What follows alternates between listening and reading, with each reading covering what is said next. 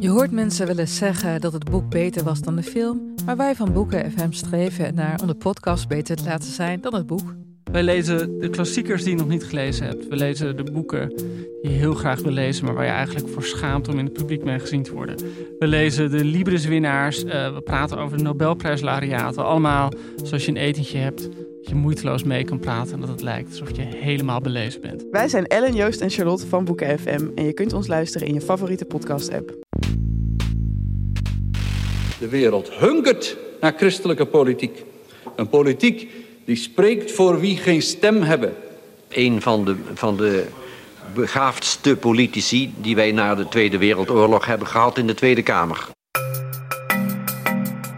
Dit is Betrouwbare Bronnen met Jaap Jansen.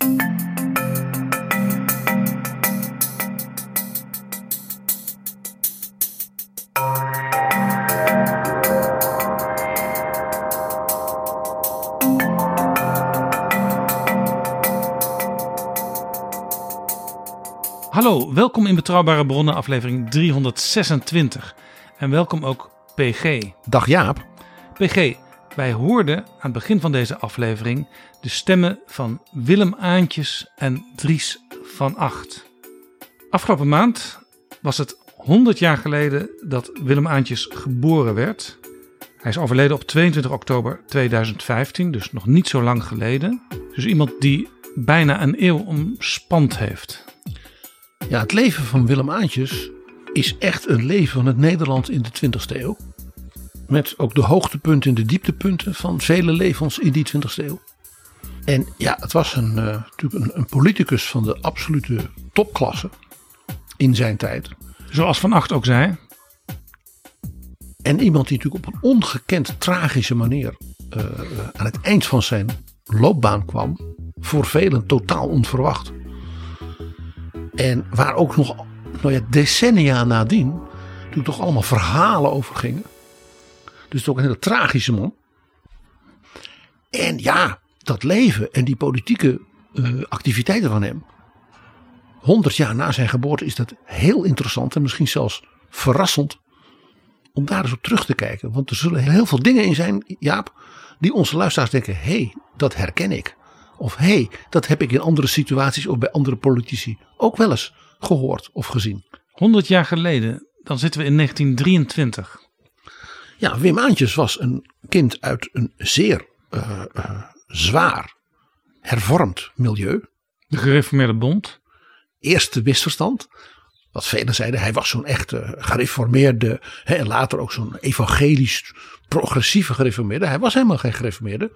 Hij was hervormd. En was natuurlijk een kind van. Maar dat deel binnen de hervormde kerk heette de gereformeerde bond. Precies. Hij was dus een bonder, zoals men in de hervormde kerk dat noemde. Het was dus een kind dat opgroeide in die gouden twintiger jaren. Van al die welvaart en technologie en opgang van de Europese economie. Na de Eerste Wereldoorlog. Ja. De Golden Zwanzig, de Jazz Age. Je hebt natuurlijk als kind van uh, zeven jaar aan het eind van die twintig jaren geen idee van. Nee, maar je leeft dus in, in, een, in, een, in een wereld die, waar alles voortdurend beter gaat. De welvaart neemt toe. Beetje dus zoals het bij ons ging als je geboren bent in de jaren 50. Precies. En was daarna scholier natuurlijk in een compleet andere periode. Hij ging naar zeg maar, de lagere school. En ja, toen barstte dus die wereldcrisis uit met die diepe depressie. De jaren van Hendrikus Colijn. Dat was natuurlijk wel de politiek leider van zijn partij. De partij van zijn ouders. De antirevolutionaire partij. En daarna natuurlijk de bezettingsjaren. Uh, nou ja, van oorlog en volkerenmoord en alle mogelijke ellende. Hij ging naar school in het gebombardeerde Rotterdam. Dat was trouwens een compleet andere wereld dan het dorp in de Alblasserwaard waar hij vandaan kwam. Ik weet nog, ik herinner me dat heel goed, dat ik in, toen ik in Rotterdam op gymnasium ging, dat was toch een andere, een andere soort bevolking, een andere sfeer. En die jongens eh, die gingen onbekommerd, uh, uh, waren ze lid van de student gymnasiastenvereniging. Die hadden een toneelvereniging. Eens in het jaar werd daar een grote avond gegeven en er werd daar een toneelstuk opgevoerd. Toneelstuk, meneer. Dat is, geen, zult u geen gesneden beeld maken. Je mag een ander niet afbeelden. Nog van, nog van hetgeen boven in de hemel is. Nog van hetgeen dat onder op de aarde is. Nog van hetgeen onder de aarde, in de wateren onder. Dus dat je daar een toneel speelde, god voor de film ook, dat je daar mensen uitbeelde die je zelf niet was. Dat was, dat was vierkant een rechtstreekse strijd met goddelijk gebod. En toen kwam de Tweede Wereldoorlog. En in die oorlog maakt hij dat gymnasium af. En ja, toen moest hij denken, wat ga ik nu doen? En wat er toen gebeurd is, heeft, maar dat geldt voor heel veel van zijn leeftijdsgenoten, natuurlijk een enorm stempel op de rest van zijn leven gedrukt. Ja, en wat er toen gebeurd is, daar waren ook heel veel misverstanden over. Zelfs zo groot dat Lou de Jong, de directeur van het RIAD, het Rijksinstituut voor Oorlogsdocumentatie, met een persconferentie kwam waarop hij een zeer zware beschuldiging deed. En daar zullen we het straks nog wat uitgebreider over hebben. En daarom dat ik ook zei, het is echt een Nederlands leven van de 20e eeuw. Waarin die oorlog als het ware zo'n diep doorwerkt. Ook nog veel later. Uh, Antjes kwam terug uit Duitsland. En kon ja, een leven opbouwen zoals heel veel jonge mensen van zijn generatie in de wederopbouw. Hij kon gaan studeren. Hij kon met succes interessante banen krijgen. Kreeg een politieke carrière al relatief jong voor mensen van die tijd. En ja, toen kwam het de jaren zestig. En dat waren natuurlijk tijden van revolutionaire, ook culturele veranderingen. Ook in de kerkelijke wereld van de hervormden, de gereformeerden en de katholieken. Ja, en, toen en werd, daar, daarin veranderde hij mee. Ja, want van Aantjes werd wel gezegd dat hij van, van zeer conservatief ja, tot voor die kringen zeer progressief werd. Ja, dus dat is een heel interessant fenomeen van wat voor verandering heeft er zich voorgedaan. En daarmee werd hij ook nog in de jaren zeventig van de polarisatie en ook de vorming van die nieuwe partij. Vanuit de zijne ook, de ARP, het CDA, een van de absolute politieke toppers van het land. En toen achterhaalde dus dat verleden hem en is hij eigenlijk voorgoed gebrandmerkt geraakt. Ja, over al die aspecten gaan we het hebben, PG. Een boeiend leven met heel veel verschillende en ook tragische aspecten. Maar eerst, zijn er nog nieuwe vrienden van de show? Die zijn er Jaap. En dat is altijd weer fijn om te releveren. De waardering die daaruit blijkt. Dus ik bedank daarom heel in het bijzonder jou Constant, Imre, Tim, Nicky, Mart en Emmeke. En er zijn ook nog losse donaties. En die komen van Chris, Gijs, Jan Rob, Corian, Frank, JP en Diederik. Heel erg bedankt. Wil jij ons helpen met een donatie? Dan word je vriend van de show. Ga dan naar vriendvandeshow.nl slash bb. En mocht je bij een organisatie of een bedrijf werken waarvan je denkt, die zouden wel eens uh, kunnen adverteren in betrouwbare bronnen, dan heten we dat zeer welkom. Als je daarover een idee hebt en je hebt misschien er al over gepraat met die afdeling die erover gaat, of je werkt daar zelf, schrijf dan een mailtje aan adverteren apenstaart dag en nacht.nl. Dit is Betrouwbare Bronnen. Jaap Jansen en Pieter Gerrit Kroeger duiken in de politieke geschiedenis. PG, 100 jaar Willem Aantjes, een complex leven. Ja, en als je mensen zou vragen nu, hè, wat, wat, wat weten we nog van Wim Aantjes? Dan hoor je vijf dingen. Die was toch fout in de oorlog? Maar ja, hij is ook toen beschuldigd dat daar klopte niks van. Dus een heel warrig, verontrustend beeld. Het tweede wat je hoort, die was toch zo heel links, die was uh, zo progressief evangelisch gedreven. Ja, maar hij was ook heel conservatief, toch? Ook daar dus weer een contrastrijk beeld, zal ik maar zeggen. En wat je ook nog voor hoort, ja, hij was heel, hij was heel erg tegen het CDA, hè, daar was hij heel kritisch op. Maar ja, hij was ook een van de absolute politieke toppers van die partij. Ook daar weer dus een contrastrijk beeld waarvan je eigenlijk zegt, we weten het niet precies. En je hoort dan altijd nog twee woorden, de bergreden en de kampeerraad. Ja. En je zal zien Jaap, zoals altijd in de politieke geschiedenis, het is dus altijd weer spannender, verrassender, verwarrender, hè, vol contrasten en zeker ook in dit verhaal vol pijnlijke dingen. Ja, laten we bij het begin beginnen. Aantjes werd geboren in een conservatieve, gelovige omgeving. Zeker. Eh, In de Alblasserwaard. eh, Nou, de waarden zoals men dat heet, noemt. Hè, dus die grote, grote polders. eh, in het Groene Hart hè, bij, bij, bij Rotterdam. Daar is men zwaar op de hand. Dat is ook de plek waar het Kamerlid Maarten Schakel burgemeester was. Want vroeger kon je dubbele functies hebben. Je was Kamerlid en je was burgemeester. En dat was hij geworden omdat hij in feite de leider was geweest van de illegaliteit. Van het verzet in die polders tegen de bezetting door de nazi's. En Schakel was net als Aantjes van de antirevolutionaire partij. En was wat ouder. En Aantjes was een jongen, hoe zal ik dat nou netjes zeggen Jaap. Die vond dat wat zwaarmoedige Calvinistische leven aan de ene kant wel mooi. Maar aan de andere kant ook wel een beetje drukkend. En een beetje zwaar op de hand. En een beetje. Hè? Ja, Dus ze waren wel heel conservatief. En dat was hij ook. Hij was zelfs heel rechts. Maar er was natuurlijk in Europa ook wel wat moderner en wat hipper rechts. Dat was modieus. Dat was technologisch. Dat, was, dat waren winnaars. Er waren heel wat jongeren in die sfeer. Die stiekem die Mussolini en die nazi's ook wel een beetje spannend vonden. ja, Een beetje stoer. ja ik weet dat in, in tijdschriften en in kranten in die tijd met name Mussolini best wel vaak stond afgebeeld en er ook best wel verhalen bij stonden van god, ze zijn daar wel van alles aan het vernieuwen. Het wordt wel moderner daar in Italië. Ja, waarbij natuurlijk in die delen van Nederland het feit dat het Italië was en dus katholiek natuurlijk een minpunt was. Dus dat was, daarin was het dus niet een voorbeeld.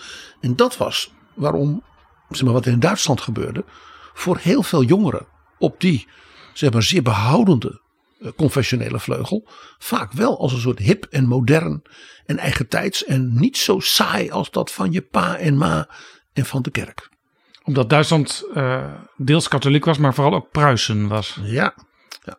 En ook de jonge Joop den Uyl, ook uit zo'n uit een gereformeerd gezin, Ja, had ook eh, wat daar best sympathie voor een beetje. Den Uyl ook actief in de jongere organisatie van de ARP, de ARJOS. Dus dat was iets dat in, die, daar in die sfeer. Als ik de vergelijking mag maken nu, met nu, dat je denkt toch een beetje raar. Zeg ik, nou, kijk eens naar Urk. En waar Thierry Baudet al te dacht, daar ga ik een grote overwinning halen. Want de jongeren daar vinden het allemaal prachtig wat ik Ja, doe. nou ja, Wilders, de PVV, heeft daar ook best wel vaak goed gescoord in die kringen, in die contraien. Ja. Dus dit is helemaal niet zo eigenaardig, zal ik maar zeggen, als men soms denkt, hè, als men dan vanuit de historie Ja, kijkt. en ik weet dat de SGP best wel af en toe in de handen kneep bij verkiezingsuitslagen van eh, gaan wij misschien eh, een van onze drie kamerzetels verliezen, want de PVV en later eh Vorm voor Democratie komen op. En die attractie, met name dus onder de jongeren in die hoek, is dus wat ouder en misschien wel minder vreemd dan men nu denkt. Nou, Aantjes die eh, kwam van het gymnasium in Rotterdam af. Hè, waar hij toch ook een beetje een nieuwe wereld had leren kennen. En nieuwe culturele dingen had leren kennen. En ja, stond toen voor een keuze. Want hij wilde graag studeren. Dat kon hij ook, hè, gelet op zijn eh, gymnasiumdiploma. Maar dan moest hij natuurlijk eh, een zogenaamde loyaliteitsverklaring tekenen. Dat moesten alle studenten doen. Dat moesten alle aspirant-studenten. En dat was iets wat natuurlijk in zijn eh, zeer gelovige kerkelijke kring zeg maar, niet gebruikt werd. Dus Aantjes die heeft toen eh, een baantje genomen bij de PTT. En is toen onder druk van de bezetter, zeg maar, uitgeleend. hè, Om op een rare manier te zeggen. Aan Ja. de PTT in Ja, nou ja, Mecklenburg. Hij dacht juist, als ik eh, ambtenaar word, dan hoef ik niet naar Duitsland. Maar dat bleek al gauw anders te zijn. Ja, want naarmate natuurlijk het steeds slechter ging ja, met de krijgsverrichtingen van, van Hitlers Weermacht, eh, had natuurlijk de Duitse eh, eh, economie natuurlijk mensen nodig die ze niet meer zelf kon leveren. Want ja, die mannen die waren aan het front. Dus werd er uit de bezette gebieden, werden mensen als het ware naar Duitsland gedwongen om gaten te vullen zeg maar, in de infrastructuur van de Duitse bestuur, economie, eh, de landbouw, eh, En overal als dwangarbeiders. Of zoals Aantjes, dus, min of, dus een soort gedwongen tijdelijke inzet. Arbeidseinsatz, zoals dat heette. Uh, vanuit de bezette gebieden. Zullen we eens even luisteren hoe Aantjes daar zelf over vertelt? Het was terugblikkend op zijn hele carrière. Dus er zit lange tijd tussen. Maar zo is het volgens Aantjes zelf gegaan. Ik zat in Duitsland, uh, gedwongen te werk gesteld. En ik, ik, kwam daar in een situatie uiteindelijk terecht waarin ik zelf de overtuiging had dat, dat alles aan gelegen was dat ik daar wegging, dat ik daar weg moest. Er bleek geen andere mogelijkheid dan door je aan te melden voor de Germaanse zes. Dat was geen uh, militaire organisatie, het was een politieke organisatie. En dan, dan zou je. Dan zou je naar Nederland. Uh, dan kreeg je een uh, vervoersbewijs dat je, dat je naar Nederland kon. Daar zou je dan een soort politieke opleiding krijgen. Nou, toen dacht ik, nou, dan, dat is de manier om te ontsnappen. En als ik dan in Nederland ben, dan zie ik wel dat ik ergens uh, er tussenuit knijp. Maar ja, ik kreeg de kansen niet voor. En nou, toen ben ik dus in Hogeveen in een opleidingscentrum van, dat was van Landstorm Nederland terechtgekomen. Dat was wel een onderdeel van de Waffen-SS. En toen werd ik voor de keuze gesteld. Of je doet het uit overtuiging, of je hebt ons willen gebruiken voor je eigen doeleinden. Nou, als, je, als, je, als je, wat het laatste is, dan, uh, dan hebben we geen, uh, we hebben geen, geen meelij met je. Als het het eerste is, dan moet je ook bereid zijn om ervoor te vechten. Dan moet je nou tekenen. Nou, dat heb ik niet gedaan. En dat is drie weken lang hebben ze dat geprobeerd. En toen na drie weken, ja, toen werd ik s morgens vroeg opgehaald. En dacht ik, nou, het zal wel afgelopen zijn. Toen kwam ik in het bos, in Assen, werd ik uit de auto geladen. Nou, in, je wordt s ochtends in alle vroegte in een, in een vrachtauto naar, naar, naar ergens naartoe gereden en dan word je uitgeladen midden in een bos. Nou, dat denk je dan. En tot mijn stomme verbazing, nooit, nog altijd stom verbaasd dat ik daar het leven heb afgebracht. En toen werd ik afgeleverd bij, de, bij dat strafkom. Nou, en daar ben ik dus tot het eind van de oorlog ben ik daar gevangene geweest. Dit was natuurlijk voor deze jonge jongen een hele harde confrontatie met zijn misschien wel wat illusies over dat hippe, moderne uh, hè, Duitsland. Wat toch ook wel aantrekkelijk was in een aantal opzichten. En hij was daar in Mecklenburg op het platteland een voetvegende slaaf. Ja, hij dacht steeds: ik red me hier wel uit. Als ik maar eenmaal die stap naar die volgende plek heb gezet, dan zorg ik wel dat ik op een gegeven moment eruit verdwijn. En ja, zo werkte dat dus niet in een dictatuur. En hij zat natuurlijk, en dat was in 1944 voor hem natuurlijk helder. Zelfs als je de krantenberichten van de nazi-pers volgde, dan was natuurlijk duidelijk dat uh, de Führer niet de oorlog aan het winnen was. Het Rode Leger rukte op en uh, Mecklenburg, nou ja, is in het oosten van Duitsland. Dus hij dacht hier ook, ook, nog. dacht ook, uh, straks heb ik, straks word ik persoonlijk nog onder de voet gelopen door de volgende dictatuur. Ja, en die zal niet veel compassie hebben met Nederlanders die daar blijkbaar vrijwillig, hè, zo zouden ze dat gezien hebben, de gaten vulden zodat er nog meer weermachtssoldaten aan het oostfront het Rode Leger konden bestrijden. En als ja, hele jonge Nederlandse ambtenaar daar moest je er ook niet op rekenen dat de bevolking daar zich nou enorm voor je zou gaan inzetten. Dus die situatie voor heel veel van dat soort mensen, dwangarbeiders en, en, en anderen, was dus buitengewoon bedreigend. En toen kwam hij terug in Nederland. Ja, dus hij dacht dat hij een slimme ontsnappingsroute had. Nou, die was helemaal niet slim. En uiteindelijk, uh, nou ja, hij mag de hemel danken dat hij weer bij zijn vader en moeder thuis kwam. Maar een echt helder verhaal had hij niet. Nee.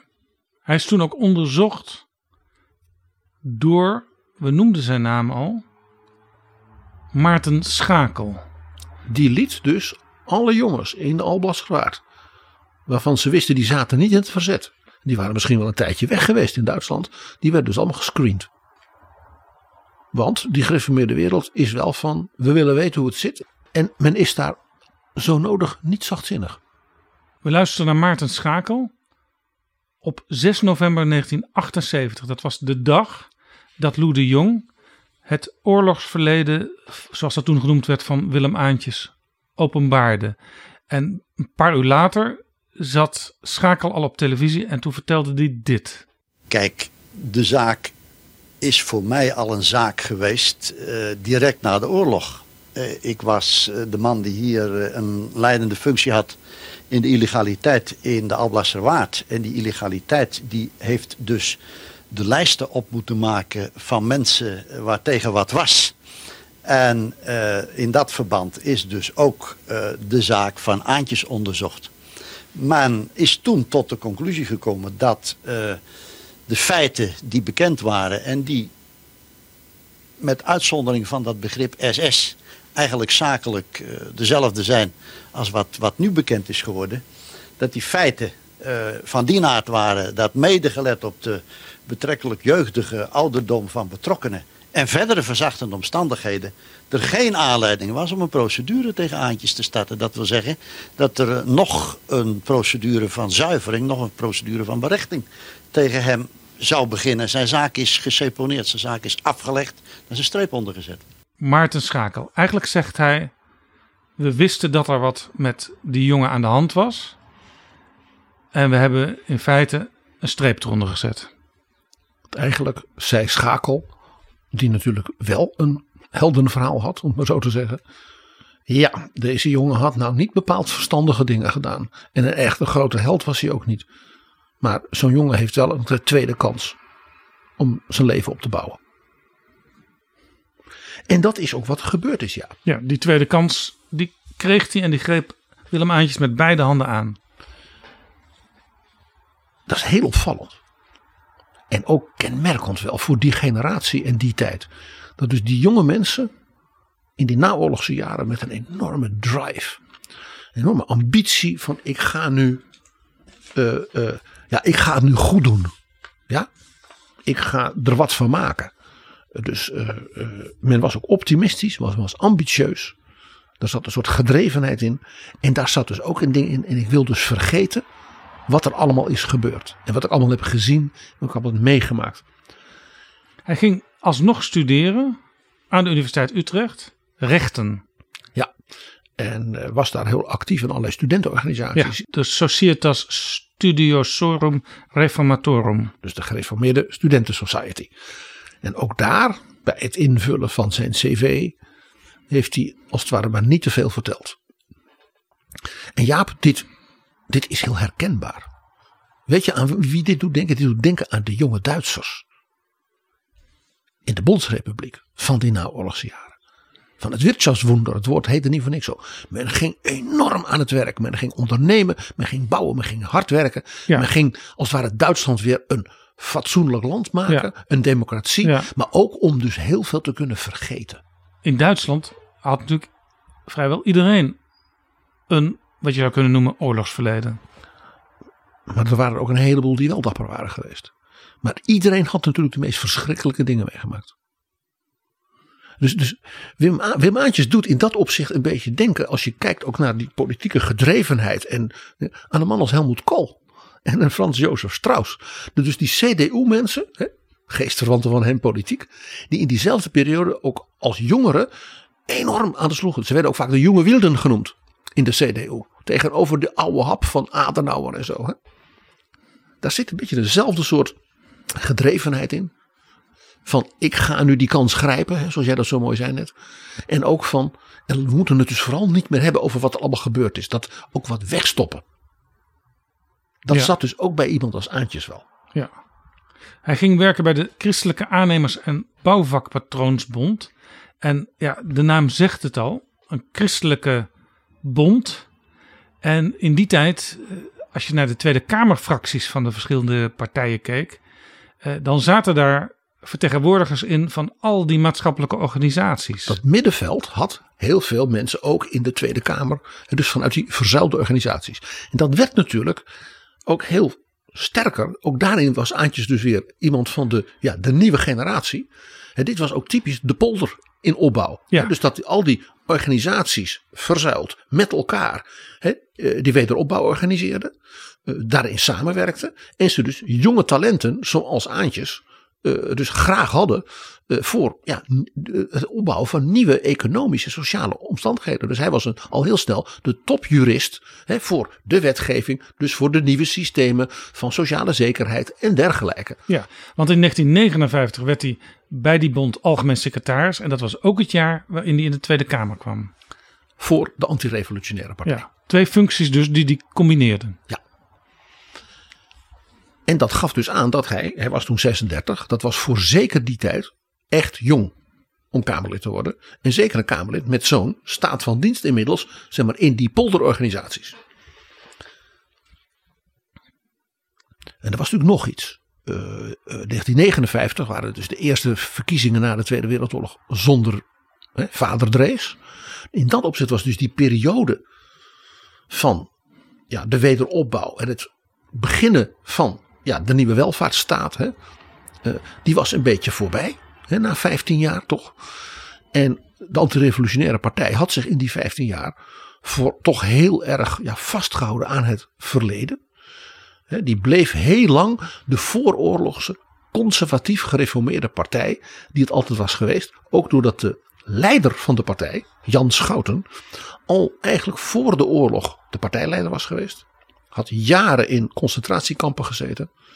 Eh, Hij was een voorbeeld van iemand die goed was geweest in de oorlog, zoals dat heet. Eh, En beroemd is dat toen hij terugkwam, helemaal uitgemergeld op, uit die kampen. Dat hij dus de vergadering bijeenriep in het bevrijde Nederland van zijn partijbestuur. En toen zei: Ik ben niet veranderd. Ja, dat is interessant. Want dit heb ik wel vaker gehoord van mensen die die tijd nog echt goed mee hebben gemaakt. Eh, dat kort na de oorlog eigenlijk de, de verzuiling op zijn hoogtepunt was. Want een heleboel mensen wilden eigenlijk heel snel terug naar wat er voor mei 1940 was. En, en, En nog, dat nog wat, wat, wat duidelijker en wat scherper markeren. men wilde die vastigheid, men wilde die verschrikkingen en dus ook de enorme onzekerheden hè, van het leven die toen vijf jaar lang gebleken waren. En overigens ook in die crisisjaren daarvoor al.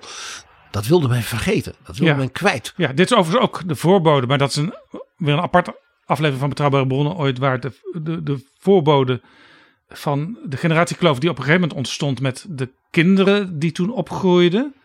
Want die vonden dat hun ouders vaak toch wel heel erg ouderwets waren en iets te veel ook naar het verleden keken.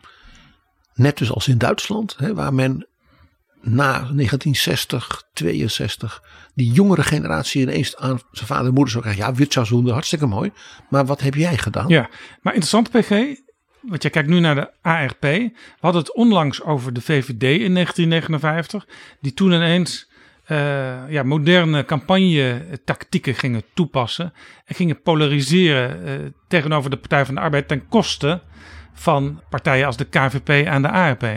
Het eind van de jaren 50 is dus waren zo'n eerste periode van omslag in Nederland. Het is dus geen toeval, Jaap, dat dat partijbestuur van de ARP. Dat keek ook naar de toekomst en die dacht: ja, Jan Schouten is nu toch eh, weg hè, als partijleider. Net als de oude Drees weg was als partijleider van de Partij van de Arbeid. We moeten nieuwe mensen, nieuwe talenten en misschien ook mensen met een nieuw profiel hè, qua achtergrond, gestudeerd, actief in de polderorganisaties. Dat waren allemaal nieuwe dingen voor die tijd. Maar die mensen moeten we in die Kamerfractie krijgen. Er moet wel wat gebeuren met onze politieke organisatie. En zo kwam Aantjes dus in de politiek terecht. Ja, en al snel gebeurde er iets op het terrein waarover Aantjes toevallig ook een van de woordvoerders was.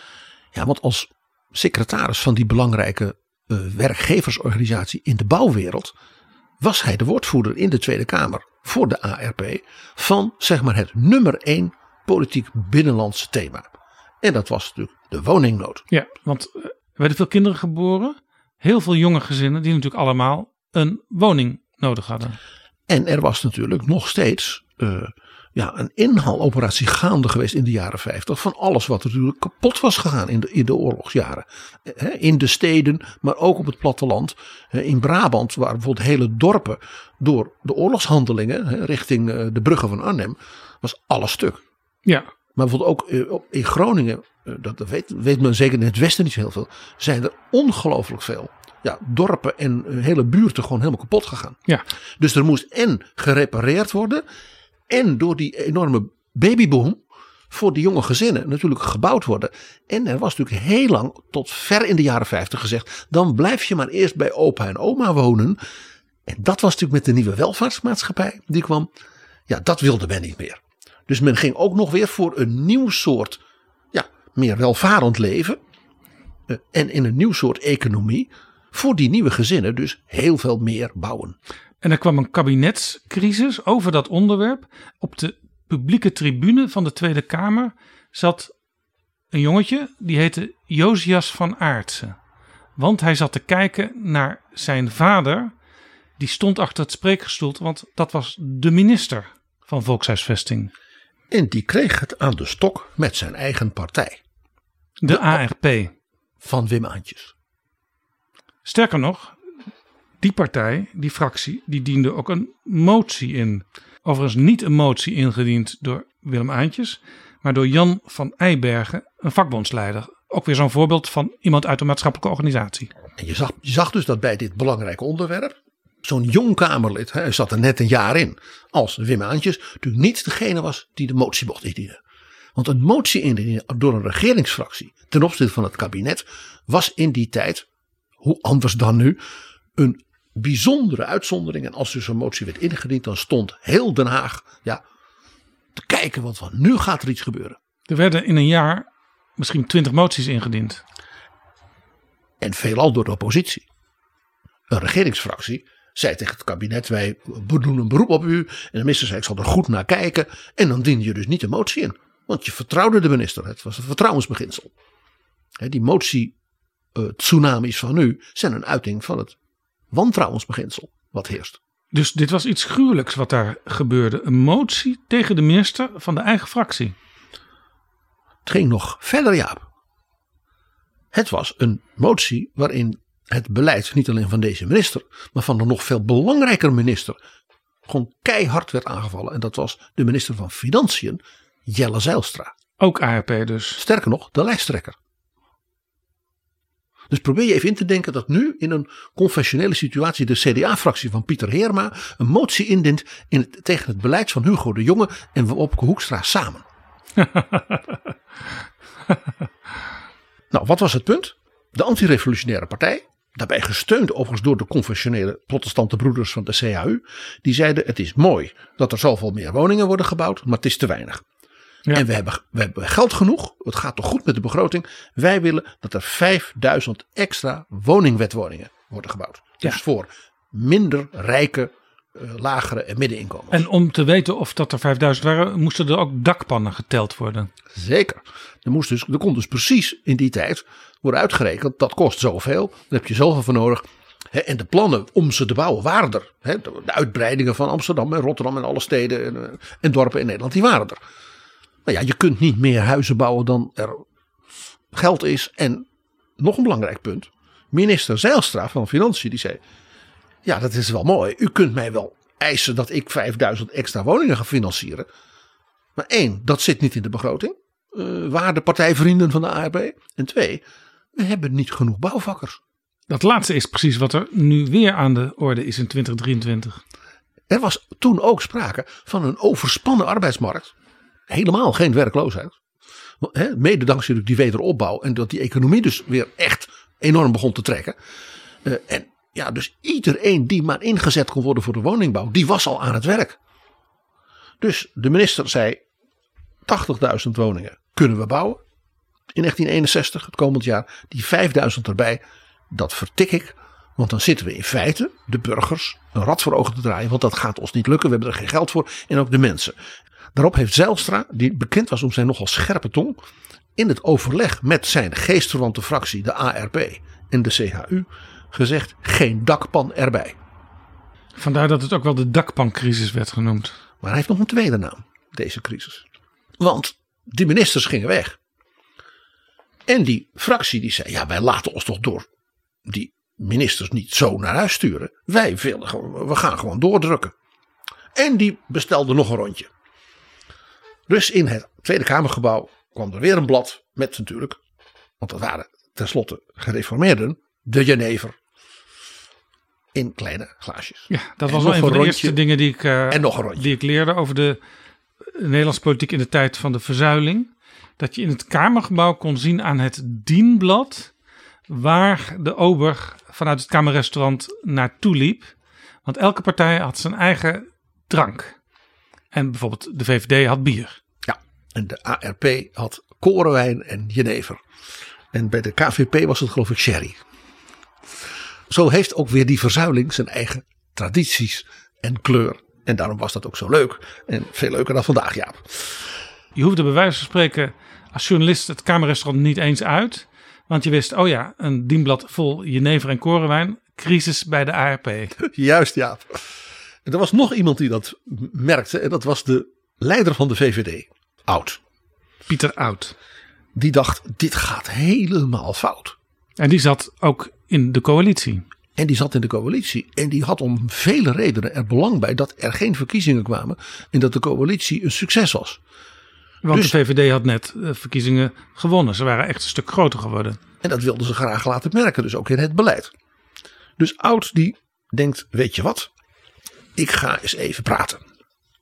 Ik ga die gereformeerde jongens even op hun geweten spreken. En toch, ze kunnen toch Jelle Zijlstra niet laten vallen. Dat is toch de, de grote man van die partij. En minister van Aartsen doet toch enorm zijn best. En de KVP, goed katholiek als ze zijn, zijn al met een tussenvoorstel aan het komen. Van we doen iets met 2500 woningen. En dan gaan we halverwege het jaar kijken of er niet nog wat extra geld over is. Ja. Zijn er meevallers misschien bij Zijlstra? Tegenwoordig, PG, zou er helemaal geen crisis over zijn. Dan zou het gewoon met veel gejuich allemaal worden aanvaard dat er eh 5000 extra woningen op het lijstje bijkwamen. En dan zouden ze denken van later zien we wel eh, of het lukt of niet. Maar ja, zo zat die Zijlstra dus niet in elkaar. En Oud, die ging die fractievergadering in en zag daar dus een verhitte koppen. Hè, met ook enig drank in de man. En heeft toen bij het verlaten na een uur te pogen, te soebatten en te merken dit wordt helemaal niks. Heeft hij de onsterfelijke woorden gesproken van het leek wel de kleedkamer na een voetbalwedstrijd. en zo was hij natuurlijk zijn antirevolutionaire en christelijk historische collega's in de Kamer niet gewend geweest. Hij dacht eigenlijk dus, het is onbegonnen werk om hier nog, eh, hier nog iets aan te redden. Dus ook de pogingen van de katholieken, van de KVP, om met een tussenvoorstel wat te doen, eh, die gingen ook de mist in. Want toen bleken dat de ARP en de CAU zoiets hadden, ja, als wij nu gaan buigen voor dat katholieke eh, bemiddelingsvoorstel, dan, dan, dan hebben we de slappe knieën. Dat is ook niet goed voor de rest van de kabinetsperiode. Dan, dan weet Zijlstra, hè, als strenge minister van Financiën, precies hoe hij ons eh, eronder kan houden.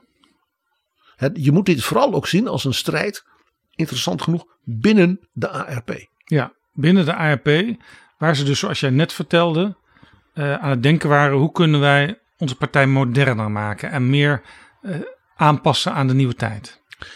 En er was dus een vleugel in die ARP, die met name uit het CNV, zoals die meneer Van Eijnbergen, en uit de VU, dus de meer intellectuele en de vakbondsmensen, die zeiden het kan wel allemaal een beetje minder conservatief en een beetje moderner. En een tweede punt, het gaat zo goed.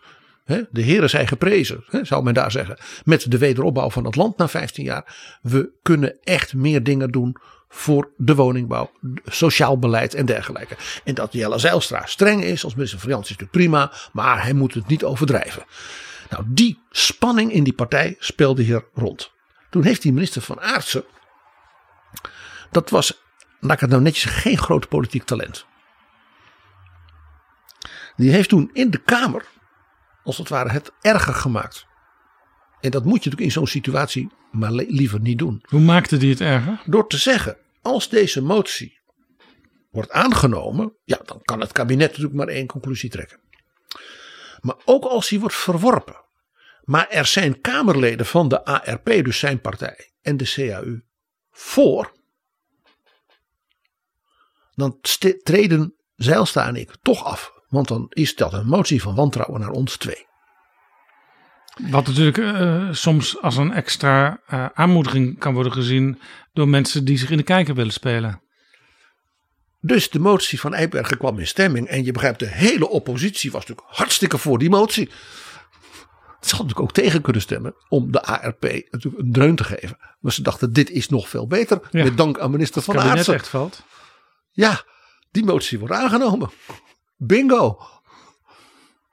Dus de Partij voor de Arbeid, de communisten, de staatkundig gereformeerden en de pacifistisch socialisten stemden voor met dus de ARP en de CHU. Ja, Jozef van Aartsen, de zoon van minister van Aartsen, die heeft later wel eens verteld dat zijn vader er, er tamelijk lang door in de war is eh, geweest door deze affaire.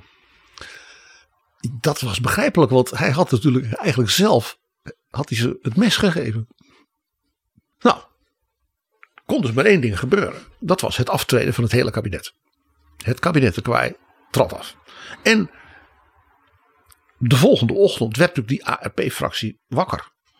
Met een harde kop van al die jenever en die korenwijn. En de kranten van die ochtend. Dus men ging dit ook de jenevercrisis noemen. In de jaren daarna. In de partijtop van de club van Aantjes was natuurlijk blinde paniek. Want zowel de fractieleider, meneer Bruins Slot, en de partijvoorzitter, meneer Berghuis, die hadden dus de zaak volstrekt uit de hand laten lopen. Ja, er zat niks anders op, Jaap, voor het kabinet dan op te stappen. En je begrijpt dat die oppositiepartijen en de oppositiemedia, dat die natuurlijk in een deuk lagen van het lachen. Ja. En de volgende ochtend werden die antirevolutionairen natuurlijk wakker met een harde kop hè, van die korenwijn en die jenever. En vooral ook van de kranten van die ochtend. Ja. Want ook de kranten, zeg maar de meer confessioneel gerichte kranten. Trouw bijvoorbeeld. Ja, en ook de kranten zeg maar, die meer VVD-gezind waren.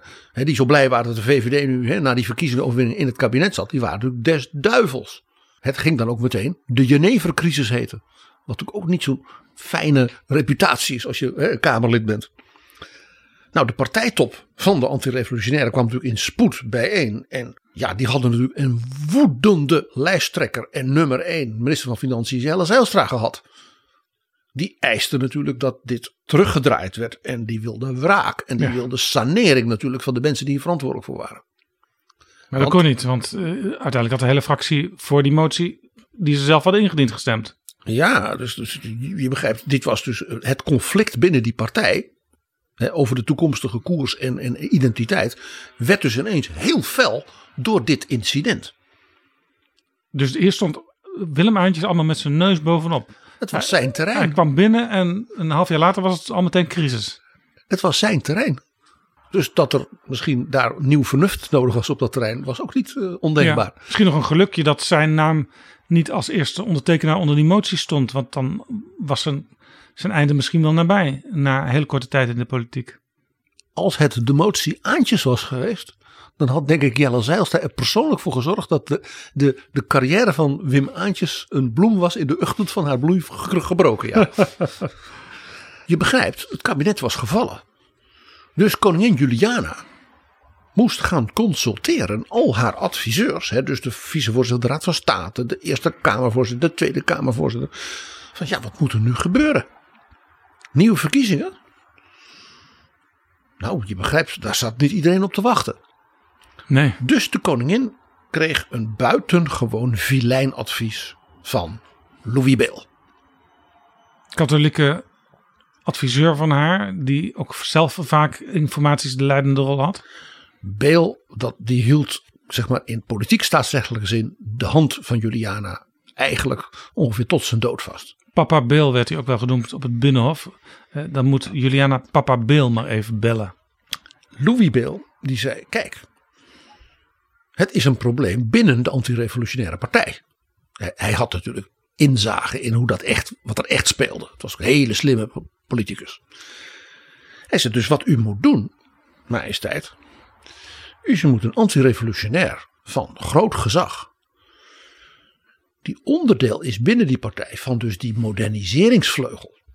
Dus uit de vakbonden uit de VU. Die moet u informateur maken. Dat werd Wilhelm de Gaay Fortman. De rector van de VU. En een van de aanvoerders binnen die partij van die moderniseringsvleugel.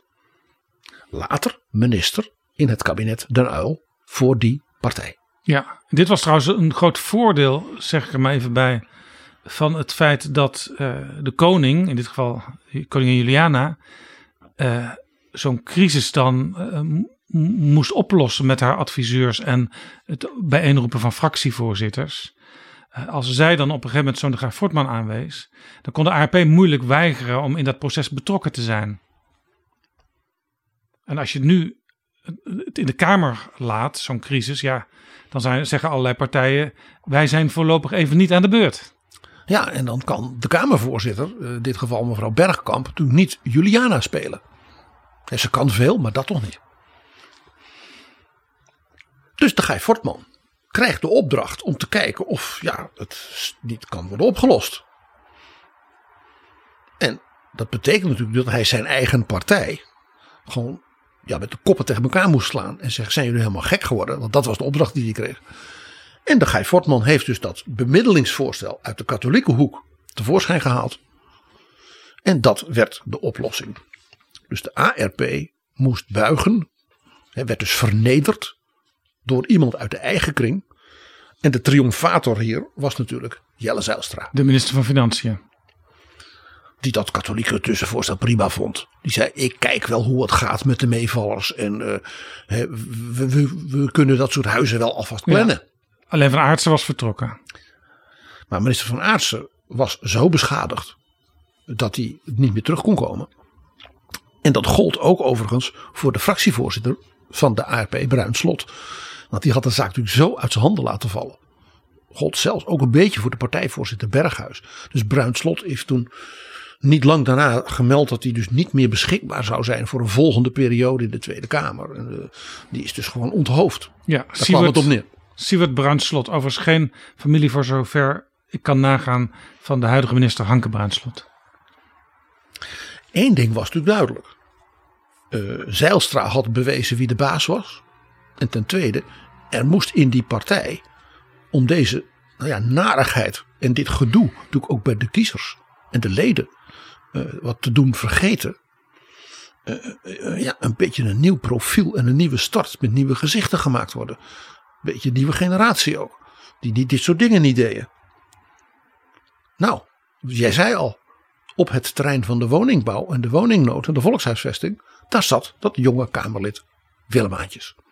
Dus die crisis bood ook Aantjes weer een extra kans op politieke carrière en zichtbaarheid.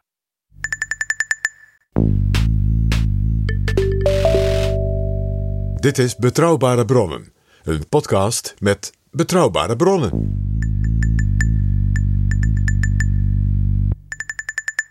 PG, in ons verhaal zijn de jaren 60 begonnen. Daar kunnen we natuurlijk politiek heel veel over vertellen. Dat hebben we ook al best wel vaak gedaan. Denk maar aan ja, nieuwe partijen die ontstonden. De Boerenpartij, D66, uh, de Partij van de Arbeid, waar jongeren zich gingen roeren. Maar ook uh, ja, de, wat toen genoemd werd, confessionele partijen. De Katholieke Volkspartij, de Christelijke Historische Unie en de partij waar we het nu over hebben, de ARP. Die zaten ook te denken van ja, hoe staan wij in de nieuwe moderne wereld? En hoe gaan wij om met de jongeren die verandering willen? En we zien toch dat die tijd van de wederopbouw en de naoorlogse soberheid voorbij is. er komt een nieuwe ja, soort welvaartssamenleving. Ja, eerste jaren van de jaren 60 had je soms 10% loonsverhoging per jaar. De economische groei was enorm. Dat was ook natuurlijk, en dat was een hele belangrijke invloed in die confessionele partijen, te danken aan de toegenomen Europese integratie. Het begon met kolen en staal. Vervolgens de Europese Economische Gemeenschap, het Europees Landbouwbeleid. En dat waren allemaal dingen waar met name ook Nederland zeer van profiteerde. Ook als exportland met nieuwe industrieën en dergelijke. Ja, Nederland stond ook niet voor niets aan de bakermat van de Europese samenwerking. Was een van de zes oprichters van wat nu de Europese Unie is. En voor die confessionele partijen had dat een hele belangrijke, lang doorwerkende, zeg maar langzaam maar lang doorwerkende impact. En dat was dat die kolen en staal en later die Europese Economische Gemeenschap zijn eigen parlement had. En denk je, waarom is dat belangrijk? Nou, Daar zaten de ARP, de CHU en de KVP in één fractie. Want- zaten dus in één christendemocratische groep. Ja, want in de meeste andere Europese landen hadden ze natuurlijk niet zo'n ingewikkelde verdeling zoals we die in Nederland kenden tussen al die verschillende denominaties die elkaar soms ja, naar het leven stonden als het ging om eh, zuiverheid in de leer. Die andere landen, die zes, dat was België. Daar had je de Christelijke Volkspartij. Maar die was natuurlijk, zeg maar, 99% katholiek. Ja. Dan had je de Franse Christendemocraten, de MRP, later ook de Gaullisten van de Gaulle. 95% katholiek. Dan had je de Italiaanse Democratia Christiana. Ja. Nou ja, dat zat dicht bij de paus, zal ik maar zeggen. En in Duitsland had je natuurlijk de CDU en CSU. De CSU, Beieren, 98%. Nou, misschien ietsje minder. Want, eh, Franken zit er ook nog in. 95% katholiek. En de CDU was zeg maar 50-50, maar toch ook wel dominant. Toch nog wel katholiek. Ja, Zeker met zo'n oude knar als Adenauer aan de macht. ja, maar die enorme eh, politieke verdeeldheid zoals je in die kringen in Nederland zag, dat kenden ze dus nergens. Men kende niet die eh, eh, zeg maar, confessionele partijen van verschillende denominatie. Heel belangrijk punt, PG. De komst uiteindelijk van één partij in Nederland, waar die partijen in samenkwamen, het CDA, is dus sterk bevorderd door de opkomst van de Europese samenwerking. De Europese samenwerking heeft voor met name dus de Christ, wat wij nu de christendemocratische politici en het denken, ook de, de denktanks van de partijen, de jongerenorganisatie, enorm invloed gehad. Omdat men dus ja, elkaar letterlijk en figuurlijk anders leren kennen. Ja. En men dus een gezamenlijke, moderne, Europese politieke visie, zeg ideologie, ging ontwikkelen. Ja. Wat natuurlijk daarvoor in die verdeelde partijen in Nederland niet of nauwelijks het geval was. En heel praktisch dus gestimuleerd door het feit dat er een beginnend Europees parlement was. Het zou pas in 1979 voor het eerst door de kiezers rechtstreeks gekozen worden. Maar de parlementen uit de zes landen, die hadden al afgevaardigden naar dat Europees parlement. Dus Tweede Kamerleden en Eerste Kamerleden, die zaten dus in Straatsburg ineens in een nieuwe club. Ja, met een nieuw soort gesprek ook. Met een nieuw soort gezamenlijke visie die men moest ontwikkelen. En dat heeft hele grote invloed gehad. PG, de jaren 60 waren ook inhoudelijk jaren waarin er van alles gebeurde. Onder andere de opbouw van de verzorgingsstaat. Ja, die begon dus al met het ontwikkelen van wat we dan noemen de polder. In de jaren 50, hè, met de AOW. En ja, toen kwamen natuurlijk steeds meer nieuwe wetgeving kwam erbij. Toen kwamen ook, hè, Marge Klompé werd de minister voor Cultuur, Recreatie en Maatschappelijk Werk. Compleet nieuw beleidsterrein. Eh, daar kwamen dingen als de WAO, hè, voor arbeidsongeschikten. Er kwam natuurlijk de, het sluiten van de Limburgse mijnen. Met alle grote programma's ook. Hè, wat betreft dus de economische, het economisch omturnen ook van Groningen. eh, van de textielindustrie, de mijnbouw. Ja, en Willem Aantjes die voelde zich in die tijd ook heel erg thuis bij al die inhoudelijke veranderingen. Zeker, hij had natuurlijk met zijn portefeuille van de volkshuisvesting en het bestrijden van de woningnood in feite een soort sleutelrol. Want dat was natuurlijk een van de essentialia van dus die nieuwe verzorgingsstaat. Mensen een eigen huis en een beter huis hè, voor de jonge gezinnen. Dat was dus zijn ding. En je zag dus Aantjes ja, een beetje met de tijdgeest meegaan van behoorlijk conservatief, hè, zoals die ARP was geweest, opschuivend naar ja, we moeten die verzorgingsstaat ontwikkelen. Dat betekent dat je sociaal beleid moet voeren. Hè, dat er dus ook nieuwe vragen op de samenleving afkomen. Denk aan eh, een beginnende individualisering ook. En ja, die soberheid van de wederopbouw. Die mogen we nu achter ons laten. Het gaat geweldig met de economie. Nederland hè, wordt ook Europeeser in dat opzicht. Dat betekent dat we dus ook gewoon ja, meer geld kunnen en moeten gaan uitgeven aan al die sociale dingen. Daarbij komt, al die jonge gezinnen hebben niet alleen een huis, maar die kinderen moeten ook naar school.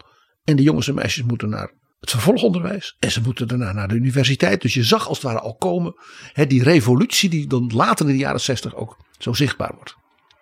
En man als Aantjes die zat van de meer conservatieve vleugel, schoof hij met de tijdgeest mee, zeg maar naar links. Nou kun je natuurlijk ook zeggen dat de ARP is opgericht door Abraham Kuyper.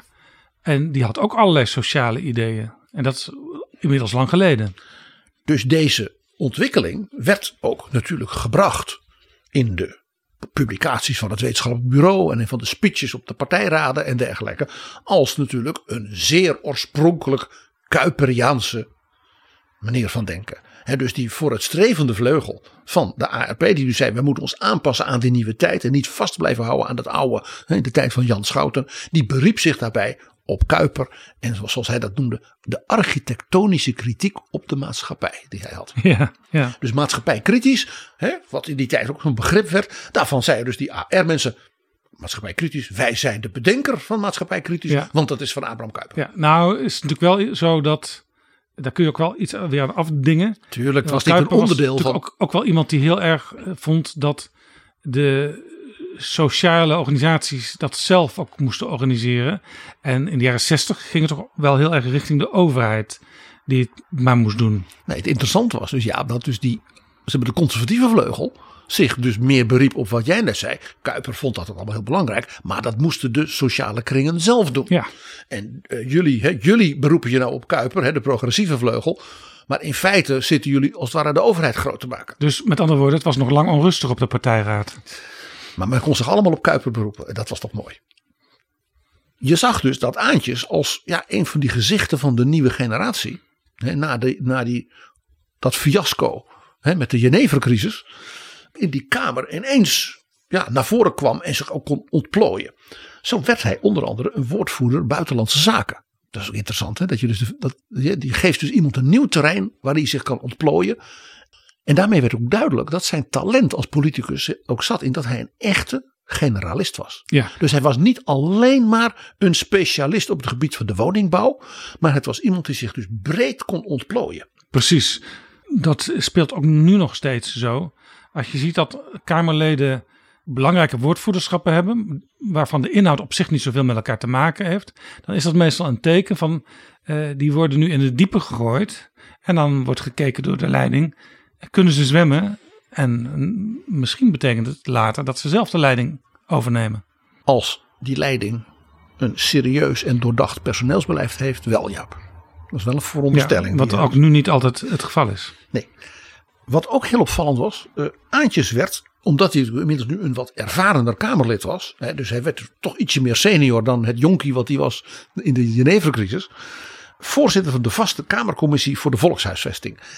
En wij zeiden al, dat was topic nummer één in die tijd van de binnenlandse politiek Dus en de hij kon, hij kon daarmee ook de agenda gaan beheren.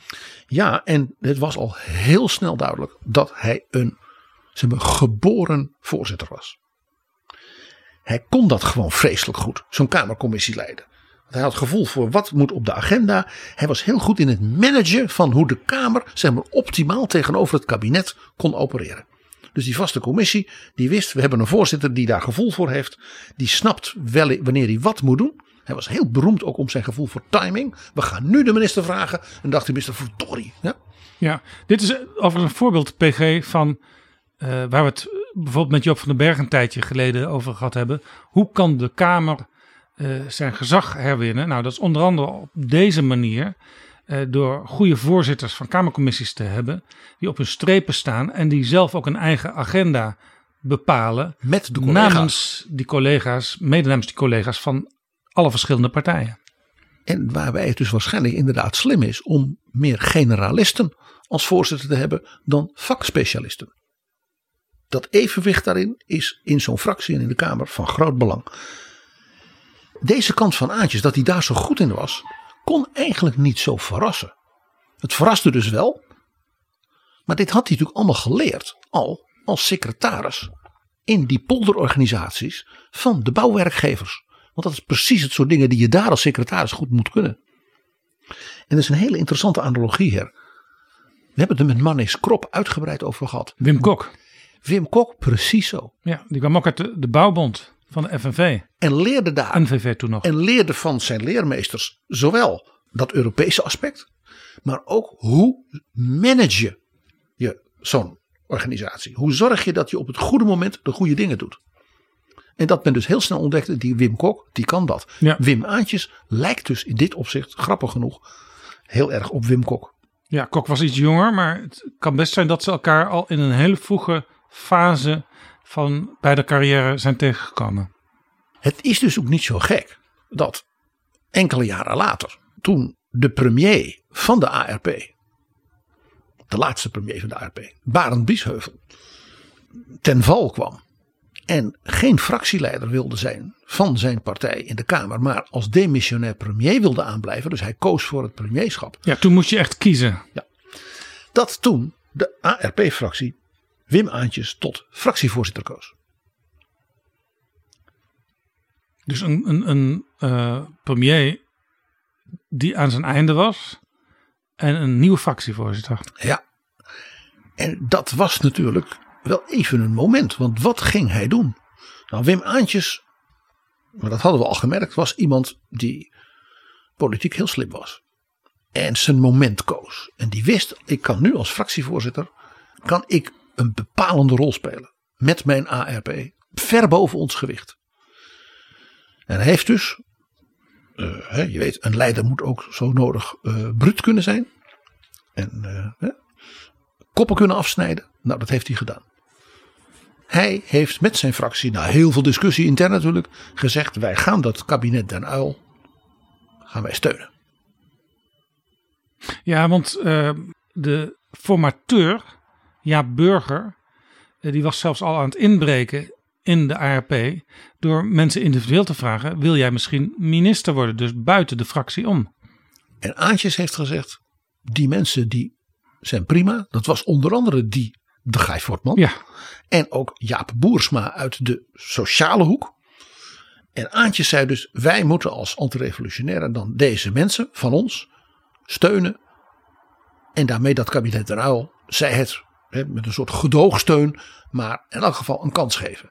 En dat betekent natuurlijk het einde van de politieke carrière van Biesheuvel. Ja, speelde waarschijnlijk ook mee in die tijd al een beetje, heel klein beetje, dat er gewerkt werd door sommigen aan meer samenwerking tussen de christendemocratische partijen. Dus ze moesten ook weer niet uh, helemaal onder de vleugels van Joop den Uyl gaan schuilen, want dan zou je onzichtbaar kunnen worden.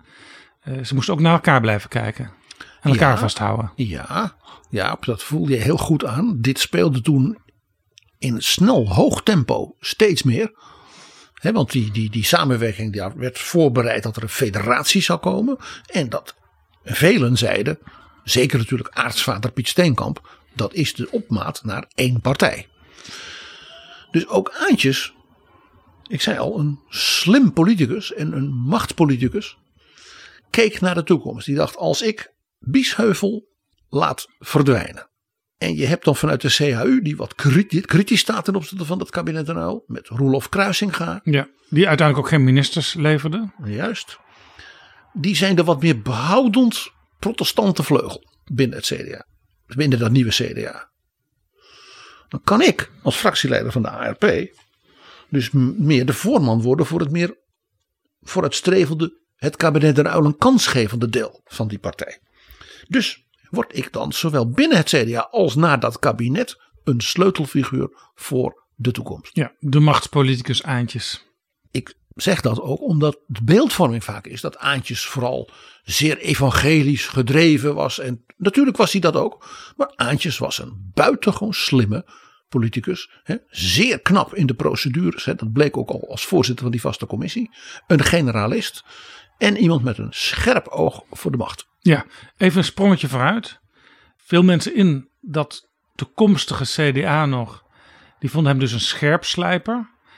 Maar hij zelf ontkent dat. Ik, ik had mijn buik vol van zuivere grondslagen. De, de, de, de gereformeerde wereld is, is kapot gemaakt door altijd maar ruzies over de zuivere grondslag. Dan hadden we een, een christelijke vereniging op basis van de Heilige Schrift, op basis van de Bijbel. En dan was er altijd weer een groep die zei: ja, maar uh, die Bijbel, er zijn er ook die zeggen dat is Gods woord niet. Het staat, Gods woord staat erin. Dus dan moest er weer een nieuwe formule komen. Grondslag is de Bijbel als Gods woord. En dan was er weer een stel die zei: ja, maar sommigen zeggen dat Gods woord niet ook nog feilbaar is, de Bijbel. Dus dan moest er weer een nieuwe formule komen. Grondslag is de Bijbel als Gods onfeilbaar woord. En dan waren er nog mensen die zeiden: ja, maar dan hoor ik toch opvattingen die in strijd zijn met de drie formulieren van eenigheid. En dat is toch wat wij geloven. En dan moest er weer een vereniging komen. Grondslag is de Bijbel als Gods onfeilbaar woord opgevat overeenkomstig de drie formulieren van eenigheid. En verdomd nog en toe, later bleek dat dat nog niet genoeg was. Dit is heel interessant, PG, want eigenlijk vertelt hij hiermee ook hoe hij langzamerhand ook zijn eigen afkomst ging, ging relativeren. Die, die strenge orthodoxie. Het meest interessante, Jaap, is dat hij dit zegt vele jaren later. Eigenlijk als reflectie op misschien wel een van zijn allerberoemdste momenten in de politiek, de zogenaamde bergreden. Ik doe het heel kort, want we kunnen daar uren over praten. En ik zou bijna zeggen, de mensen die dit mooi vinden, moeten mijn boek Drogge staat er dun bij maar lezen. Want die vertelt bijna van dag tot dag wat er toen gebeurde. Ja, we hebben ooit eh, een paar afleveringen gedaan over uh, belangrijke politieke toespraken in Nederland en in de wereld. Daar zat de bergreden niet bij. Zullen we maar meteen even een stukje ervan laten horen, want dan hoor je hoe het klonk. En dan hoor je ook wel dat het indruk maakte. De hongerigen worden niet gevoed. Ze sterven als ratten langs de wegen van hun uitgedroogde landen. En de dorstigen worden niet gelaafd. Ze worden aan hun lot overgelaten. En als wij ons, ik spreek over mezelf, aan onze kleurentelevisie volzuigen met het vergif van de consumptiereclame, dan zit ons de verhoging van de alcoholaccijns meer dwars dan de ellende van de dorstigen in de wereld.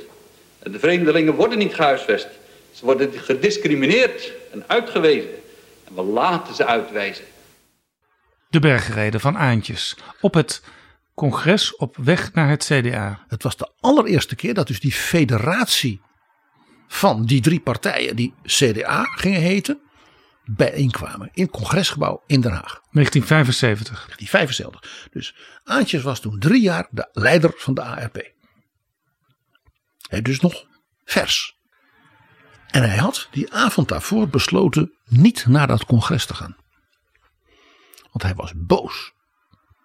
Niet op het CDA, op de ARP. Hij op zijn eigen club. Op zijn eigen club. Hij had namelijk in de ARP in feite de strijd verloren om hoe gaan wij ons stempel op de toekomst van dat CDA zetten.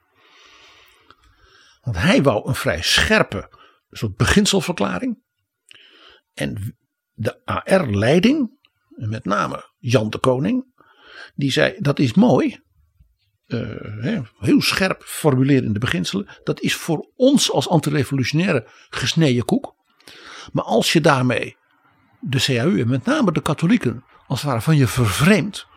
Dan help je ook niet die beginselen en het respect voor die beginselen. Dus kom nou met een formulering waar ze alle drie van zeggen. Hier kunnen we wat mee. Jan de Koning Hier staat dat CDA voor. Jan de Koning kwam natuurlijk uit, uit de Boerenbond. En was dus ook daarin pragmatisch.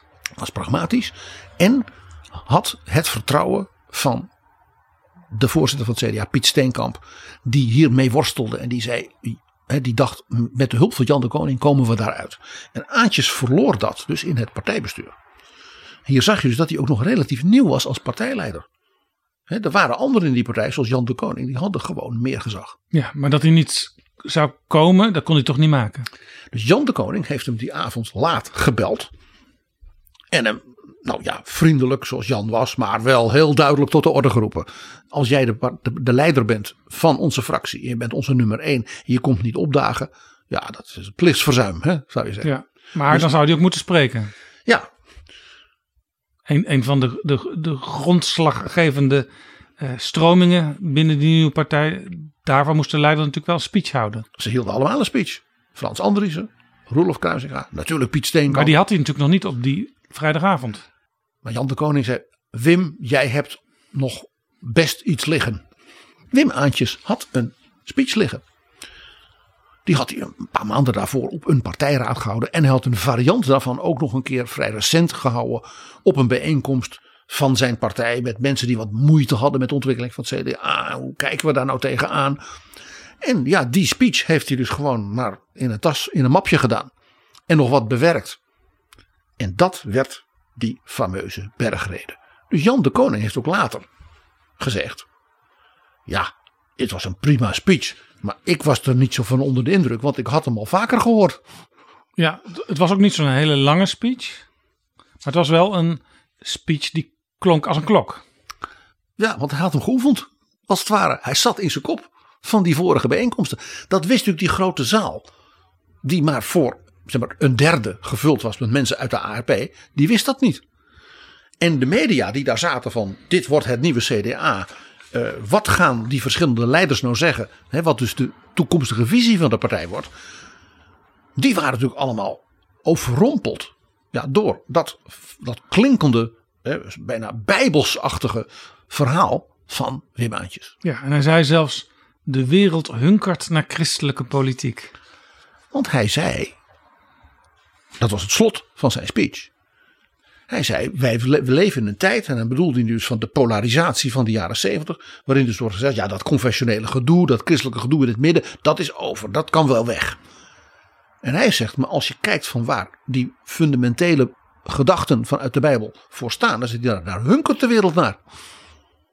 Dat kwam natuurlijk enorm aan in die zaal. Niet alleen maar bij de ARP-achterban. Ja. En daarom werd die speech dus ook bejubeld. Is natuurlijk altijd eh, het probleem van zo'n boek als de Bijbel dat iedereen zich er op zijn manier op kan beroepen. Waar die ook staat in het landschap. En dat was dus het politieke conflict wat hier speelde. De wereld hunkert naar christelijke politiek. Een politiek die spreekt voor wie geen stem hebben. Die handelt voor wie geen handen hebben. Die een weg baant voor wie geen voeten hebben. Die helpt wie geen helper hebben. Deze speech heette De Bergreden. Waarbij dus werd verwezen naar het evangelie van Matthäus. In het Nieuwe Testament. Matthäus 25. Precies. En dat is niet de bergreden. Dit is een prachtig misverstand. Maar ik ben geen bijbelofiel, PG. Wat was de bergreden dan in de Bijbel? Dat is een andere passage in datzelfde evangelie van Matthäus. Wat Aantjes hier deed, is een ander gedeelte van dat evangelie als het ware aanroepen. Hij gebruikt dus termen daaruit, die worden ook wel de zaligsprekingen genoemd. En het grappige is dat de zaligsprekingen veel meer geliefd zijn in de katholieke traditie dan die bergreden die vaker in de protestante Ja, traditie. het woord zalig is ook een heel katholiek woord. Precies. Zalig kerstmis. En daarom is het ook zo grappig. Aan wie danken wij het misverstand dat het gebaseerd is op de bergreden De van katholieke Jezus, journalist van de KRO, Ad Langebent. die toch beter had kunnen weten als goed katholiek. De, Aan de andere kant geeft het ook weer aan dat die partijen, die stromingen die samenkwamen, ook een heel andere cultuur hadden als het ging om omgang met bijvoorbeeld de Bijbel. Jaap, dit is een hele goede opmerking. Hier zie je dus dat die, die verschillende tradities en culturen van zeg maar, de katholieke politiek, de, de, de, de gereformeerde en de CAU meer hervormde politiek, dat die hun eigen taal, hun eigen beelden hadden, hun eigen idioom. Hè, wat men noemde de talen Kanaans, hè, zoals die voor de gereformeerden geldt. Oud-testamentisch taalgebruik. Dus het is via de KRO geweest dat deze speech van Aantjes dus bijna in zijn geheel is uitgezonden op de televisie. En dus als de bergreden van Aantjes de wereld inging. Een prachtig misverstand. Met dank aan de historicus Jan Dirk Snel, die hier een keer een heel leuk stuk over heeft geschreven en daarop wees. We zullen een link naar dat eh, artikel eh, in de beschrijving van deze aflevering zetten. Maar Aantjes was er dus bij die dag. En Aantjes speelde dus een rol in dat nieuwe CDA. Een cruciale rol. Met een speech die hij gerecycled had. Zo gaan die dingen de politiek soms. Jaap, en daarom is het interessant dat de hoogbejaarde Aantjes in het fragment dat we eerder hoorden, in feite zelf ook zegt: Ja, ik relativeer nogal ook wat toen zo'n belangrijk gevonden discussie was. Het ging dus eigenlijk ook daar niet om. Het ging natuurlijk om het feit dat hij in zijn eigen partij een nederlaag had geleden over de toekomst van het CDA. Ook hier weer, bij alle evangelische gedrevenheid, het was vooral ook een machtspolitiek aspect. Ja, en toch werd hij uiteindelijk fractievoorzitter in de Tweede Kamer. Toen Dries van Acht premier werd. En dat is een verhaal, ja.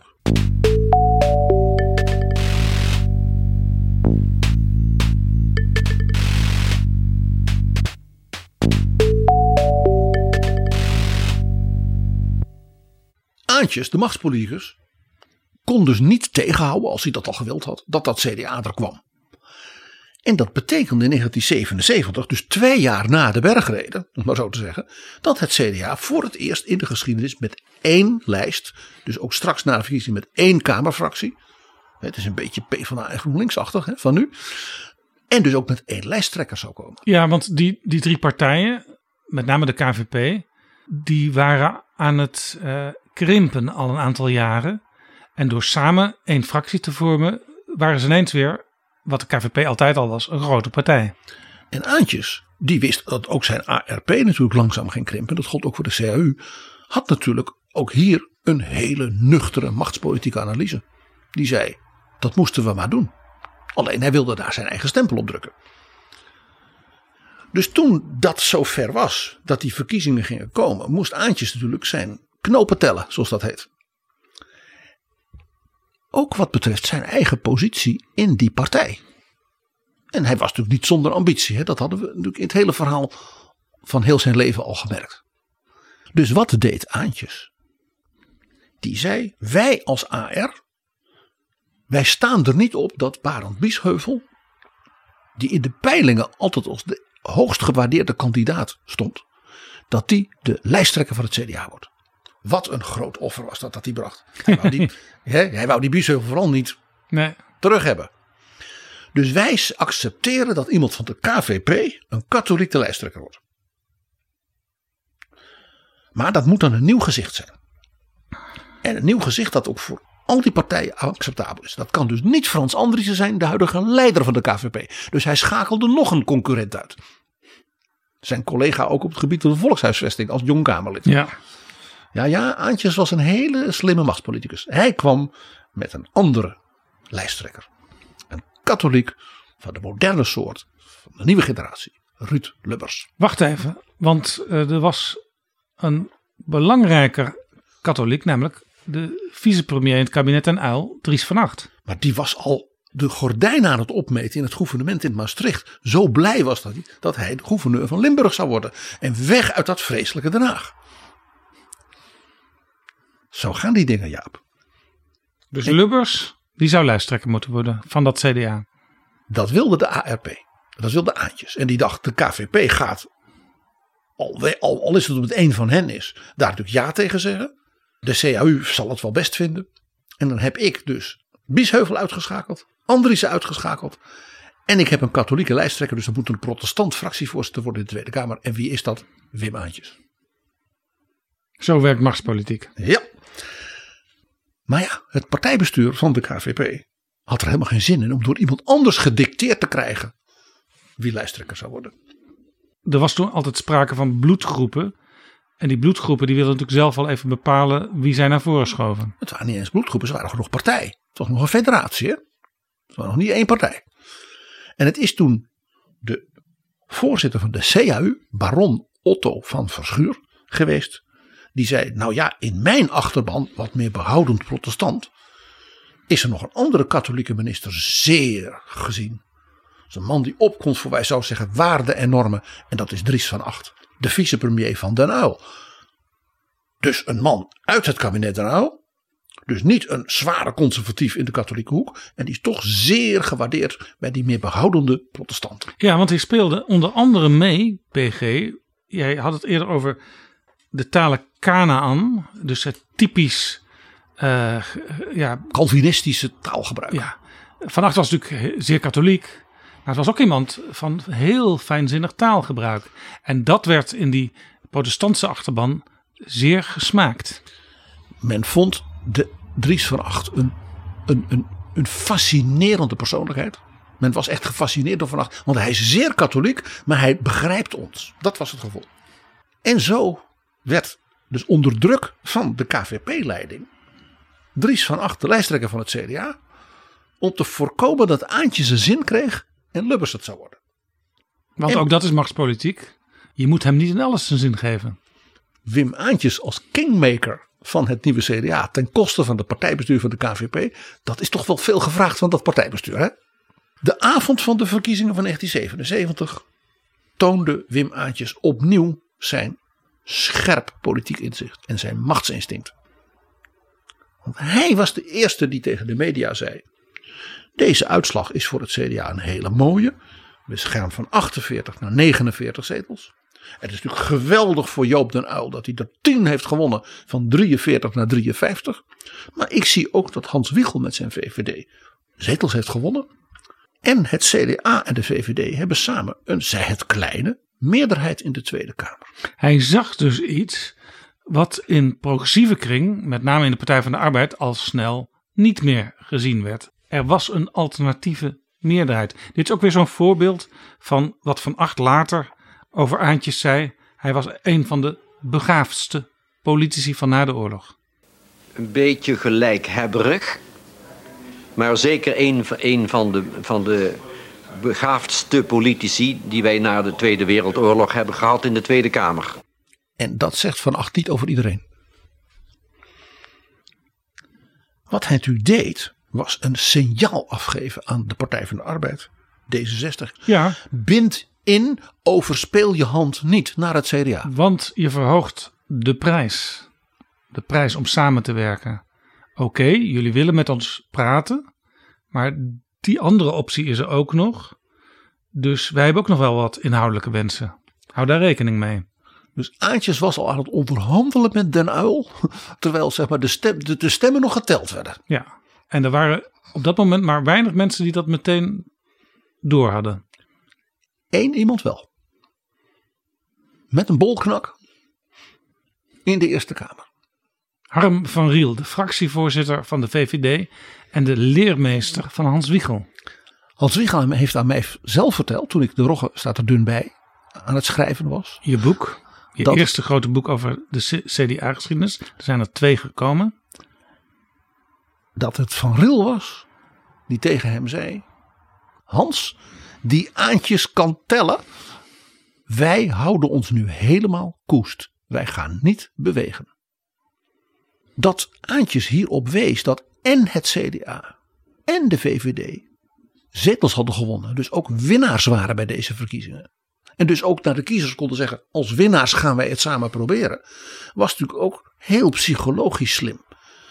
Want daarbij kon hij tegen natuurlijk de in triomf verkerende Partij van de Arbeid met zijn tien zetels winst met ome Joop zeggen. Tuurlijk hebben jullie gewonnen. Hartstikke goed. Gefeliciteerd. Maar je bent niet de enige. En hij kon het ook tegen het winnende D66 zeggen. Want ook D66 was twee zetels vooruit gegaan. Ja, en ook dat was een teken richting de Partij van de Arbeid. Eh, Want het kabinet en Uil was mede tot stand gekomen dankzij de enorme push steeds in die kabinetsformatie van Hans van Mierlo, de leider van D66.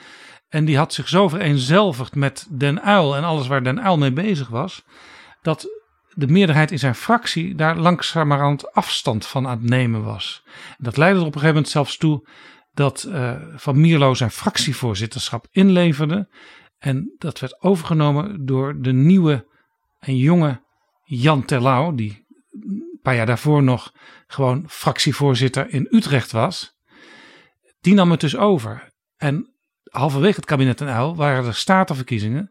Toen haalde D66 uit mijn hoofd, geloof in maar één van alle provinciale staten van Nederland een zetel. Ze waren dus bijna op 0,0 in die verkiezingen. Dus het was heel bijzonder dat D66 van zes zetels bij de verkiezingen die tot het kabinet en Uil leidden, naar acht in 77 ging. Want eigenlijk was de partij bijna verdwenen. Kortom, ook een teken richting Partij van de Arbeid. Maar dat wilde de Partij van de Arbeid niet zien. En dus die waarschuwing van Aantjes, impliciet,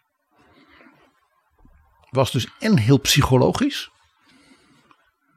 Ga niet doen alsof jullie de enige zijn die hebben gewonnen.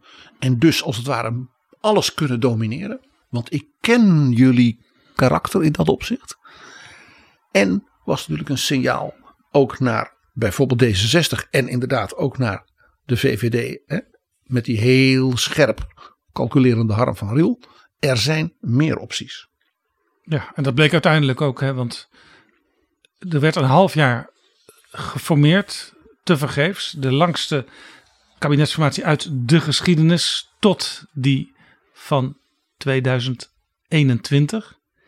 En uiteindelijk zagen we de foto in de krant van Dries van Acht en Hans Wiegel in een restaurant Le Bistroquet En daar waren ze een kabinet in elkaar aan het zetten, wat er vrij snel was. Sterker nog, het ging zo snel dat ze voor de achterban even moesten doen dat het toch wel wat moeizaam was en dat er toch wel wat amendementen zouden komen en zo. Met name uit de CDA-fractie. Met name natuurlijk uit de richting van de groep rond Willem Aantjes. Maar uiteindelijk kwam er geen tweede kabinet en uil en wel het eerste kabinet van acht, van acht Wiegel. Maar Jaap, dat had nog heel anders kunnen gaan. Er dreigde op een bepaald moment voor de ambities en het machtsinstinct van Wim Aantjes een ramp. Van Acht schrok zo van het feit dat hij nu premier zou worden, waar hij zich helemaal niet lang bij voelde. Dat hij geprobeerd heeft anderen in het CDA te motiveren het van hem over te nemen. Dat hij, dus iemand anders, dat hij dus iemand naar voren zou schuiven. Dat hij zei in deze zeer moeilijke tijden, ook met oog op de economie en zo, moet je misschien niet een jurist hebben uit het heilig land, hè, zoals hij dat noemt, maar een kenner. Even markeren dit moment, PG, want tegenwoordig hebben we partijen met maar een handvol zetels eh, die al eh, premierkandidaten neerzetten. Toen hadden we dus een partij. Met 49 zetels? die dus de premier zou gaan leveren, waarvan de lijsttrekker zei: Ik maar niet. Ja. En Dries van Acht kwam met zijn droomkandidaat. Jelle Zijlstra. Jelle Zijlstra, waar we dus net van hebben gehoord eh, dat, eh, nou ja, goed, het hele verhaal. Even terugspoelen. Dus de, de, Bij uitstek Jelle Zijlstra was de kandidaat die door Van Acht naar voren werd geschoven. De chef van de Nederlandse Bank de ARP-leider. Ja, eind jaren 50. Zelf ook nog even premier geweest als invaller. Die door de nieuwe generatie, onder wie Wim Aantjes, werd gezien als iemand van de oude garde. Precies. En nog iets. Stel je voor dat Zijlstra ja had gezegd. Dan was natuurlijk niet Wim Aantjes de fractieleider in de Tweede Kamer geworden van het CDA. Maar Frans Andriessen, de katholieke leider. Ja, om het een beetje in balans te brengen binnen de nieuwe partij. Goed. Dat is niet gebeurd. Dus Wim Aantjes zijn loopbaan hè, ging door het oog van de naald. Om nog eens heel bijbels te zeggen. Frans Andriessen werd minister van Financiën. Wat hij natuurlijk nooit was geworden met iemand als Zijlstra als premier. Dan had uh, waarschijnlijk de VVD een financiën minister geleverd. En Wim Aantjes werd dus de fractieleider van die 49 mensen van die nieuwe partij. Het CDA, toen nog als federatie op weg naar een fusie. Ja, er waren natuurlijk best wel wat vraagtekens toen Aantjes die rol kreeg, fractieleider. Want hij stond bekend, de bergreden, eh, als iemand die de ethiek hoog in het vaandel had. En zou die niet op alle slakken zout gaan leggen. En zou die niet heel kritisch zijn uh, tegen dat kabinet en tegen dat CDA-inwording? Want hè, dat verhaal werd vooruitgeroepen. Hij is zo links, zo progressief. En ja, er werd natuurlijk ook een beetje uh, door de Volkskrant bijvoorbeeld, inmiddels een Partij van de Arbeid krant, werd dat ook een beetje aangeleerd hè, in alle commentaren. Van let op Aantjes, want die wil dat CDA helemaal niet. En de Telegraaf deed vanuit de andere kant, want dat is ook de typische polarisatie, precies hetzelfde.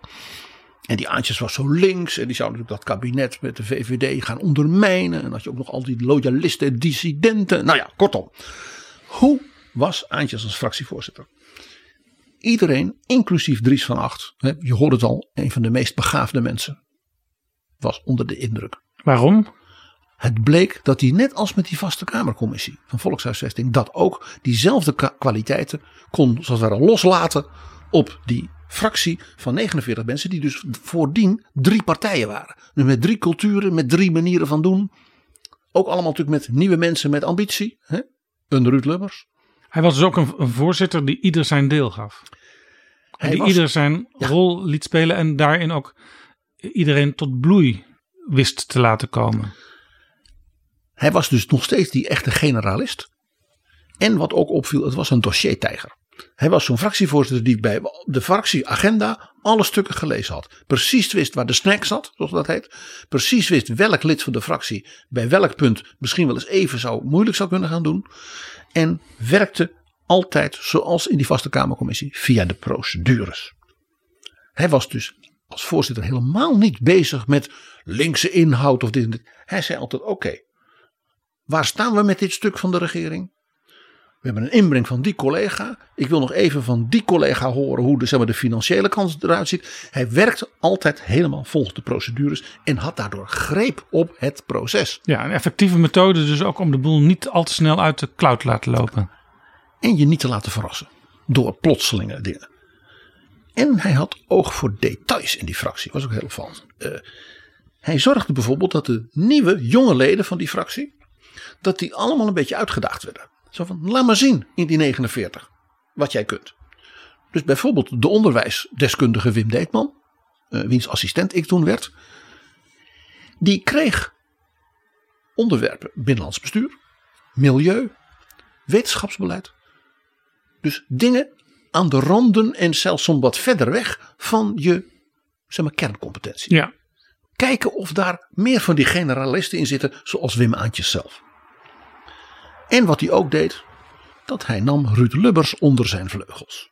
Want hij begreep dat is natuurlijk een ongelooflijk politiek talent. Ja, net minister geweest, economische zaken, nu in de fractie. Heeft geen parlementaire ervaring, is een man uit het bedrijfsleven. En hij heeft als het ware Ruud Lubbers gekneed. Niet wetend natuurlijk wat er zou gebeuren. En de naam Maarten Schakel viel al, wat ook opvallend was. Aantjes wist precies welke, zeg maar, de oude rotten van die vroegere drie partijen, die nu in die fractie zaten, die moesten wennen aan die nieuwe situatie, welke hij een beetje moest knuffelen, een beetje hun verhaal moest laten doen. Nee, nee, luister nou even goed naar wat hij zegt, zodat ze ja, met respect ja, hun, hun rol en hun nieuwe plek konden vinden. Bijvoorbeeld de zeer behoudende defensie- en buitenlandman van de KVP, Joep Mommersteeg, die werd door hem altijd in die vergaderingen het woord gegeven als het ging om buitenland en defensie. Die zei Joep, vertel jij hoe jij dit ziet. En dan zag je die man helemaal glimmen. Dat deed hij dus, ook daar weer dus procedureel. Hij, hij stuurde de vergadering en gebruikte dat, dat om dus de club bij elkaar te houden. En zo hield hij dus ook die zogenaamde loyalisten hè, in die partij. Dus die mensen die eigenlijk dat kabinet met de VVD niet zo hadden gewild dat gold ook voor hemzelf. Die hield hij als het ware bij de les. En hij slaagde erin dus die fractie tot een eenheid te smeden, wat men juist van hem nooit had gedacht. En toen werd het 6 november 1978. Het nieuwsblad van het Noorden kwam met een verhaal over Aantjes. En in de top van het CDA, in de top van het kabinet met name, minister-president Dries van Acht, minister van Justitie Job de Ruiter, ook CDA, en minister van Onderwijs en Wetenschappen, want daar viel het RIOT onder, Arie Pijs, die wisten wat eraan kwam en die schrokken kort daarvoor, want ze hadden niet op het nieuwsblad van het Noorden gerekend. Lou de Jong, de directeur van oorlogsdocumentatie, die was met een onderzoek bezig. Ze hadden gezegd, ga nog maar even wat extra onderzoek doen, want het verhaal is nog niet helemaal in balans. We hebben daar nog wel wat vraagtekens bij. Maar het was al snel te laat, want dat nieuwsblad van het Noorden had ervan gehoord. Dat is van groot belang om die zaak te beoordelen, om te weten en dus in het oordeel te betrekken het feit dat wij hadden afgesproken dat er nog een week onderzoek zou worden gedaan. En toen kwam in dat weekend plotseling het ontstellende bericht dat het nieuwsblad van het Noorden de zaak al had. Via uitlekken, zo gezegd wordt, mevrouw de Jong op een partijtje in Assen. Van haar broer. Ja. En maandagavond zou de zaak voluit in het nieuwsblad van het Noorden staan. Dus dinsdag in de ganse Nederlandse pers. Op dat moment hebben de Ruiter en ik het gevoel gehad, terecht of ten onrechte, maar ik vind het wel relevant om te melden. Hm. Nu loopt ons de zaak uit de hand, valt onze zaak uit de hand. We hebben er geen greep meer op. Dit was premier Van Acht. Ze waren dus in paniek. Volledig dus greep op het alles kwijt. En toen kwam de persconferentie van dokter L. de Jong. Ik neem aan dat u het rapport kent dat wij vandaag aan de regering hebben uitgebracht. Ik geef de drie belangrijkste conclusies weer Ten eerste, vaststaat aan de hand van authentieke Duitse documenten dat de heer Aantjes op 12 oktober 1944, dat wil zeggen op de leeftijd van ruim 21,5 jaar, gemobiliseerd is in het kader van de Waffen-SS. Ten tweede, Hij is nadien beland in het strafkamp voor spitters Port Natal bij Assen. Wij hebben geen enkele reden om aan te nemen dat hij daar, zoals hij zelf heeft beweerd, gevangene is geweest. Ten derde, in alles wat de heer Aantjes tot dusver heeft meegedeeld... heeft hij, voor zover ons bekend, op wezenlijke punten verzwegen... wat zich in de bedoelde periode met hem heeft afgespeeld. PG, wat de Jong hier stelde, daar is achteraf van gebleken dat dat niet klopte. De feiten die hij releveerde, die waren gewoon slecht onderzocht, slordig en die waren niet waar. Het vervelend is dat is van die drie punten die de Jong noemde, dat derde punt eigenlijk wel waar was. Hij had al die jaren, we hadden het er al over gehad, het er maar liever niet over gehad. Ja, af en toe had hij het er wel eens over, maar dan maar slechts gedeeltelijk. En die hele verwarring rond dat, dat begrip SS, ja, die heeft hij misschien ook wel een beetje zelf bevorderd door het nooit duidelijk te vertellen. Ook niet aan wie we eerder hoorden, Maarten Schakel. En ook niet aan de voorzitter van de ARP, Berghuis. Want in 1967 stond Aantjes alles op de lijst om minister te worden. En toen kreeg Berghuis thuis bezoek van mensen die zeiden: er is iets met die Aantjes. Dat leidde toen, toen dat hij van de lijst geschrapt werd. En Aantjes heeft toen wel aan Berghuis verteld wat er aan de hand was, maar niet het hele verhaal. En daar zie je dus het punt waar we het eerder over hadden. Het verhaal was niet bepaald heroïs. En hij was een beetje dom geweest. En Maarten Schakel had als baas van de illegaliteit dat hij 45 ook geconcludeerd van jongen, jongen, jongen, jongen, wat heb jij een onverstandige dingen gedaan. Maar ja, uh, je zal daar ook in Mecklenburg zitten en je wilt terug naar je vader en moeder. Ja. ja? Geef die jongen een tweede kans. De opvolger van Lou de Jong bij het Riot uh, heeft later gewoon gezegd dat wat nu gebeurde Hans met Aantjes de grootste, het grootste bedrijfsongeluk is geweest in de geschiedenis van hun instituut. Ja, Hans Blom heeft dat terugblikkend gezegd. En een dag of wat na dat moment wat we net hoorden, vertrok Aantjes niet alleen als fractievoorzitter, maar ook als Kamerlid. Ik hoef u niet uiteen te zetten dat ik uh, Heren, kunnen we niet even met de foto's wachten nu? Dat ik vanuit een uh, uiterst uh, voor mezelf moeilijke situatie spreek. Sommigen hebben gezegd, het wordt de moeilijkste dag van je leven. Dat is het niet. Die moeilijkste dag van mijn leven heb ik in het najaar van 1944 gehad. Ik heb uh, voor mezelf de conclusie getrokken... dat het aanzien van de politiek laat ik dan voor ieder die de grootste twijfel zal blijven houden, laat ik dan zelfs, althans voor, laat ik dan zelfs voor diegene althans laten zien dat ik voor het aanzien van de politiek vind dat een fractievoorzitter van het CDA niet kan functioneren. En ik wil geen scheiding maken tussen het fractievoorzitterschap en het Kamerlidmaatschap. En ik trek daaruit de conclusie dat ik op dit moment het aanzien van de Nederlandse politiek en het CDA de beste dienst bewijs door me al mijn politieke functies neer te leggen. Jaap, je ziet hier dus dat Aantjes eigenlijk zegt: het is met name het imago van mijn reputatie dat kapot is. Ik heb al die jaren ja, eromheen gedraaid, gezwegen, gedacht, uh, vergeten, vergeten, vergeten. Hè? Een beetje ook waar we het eerder over hadden, wat die Duitse generaties van het Wirtschaftswunder deden. En nu haalt het mij in.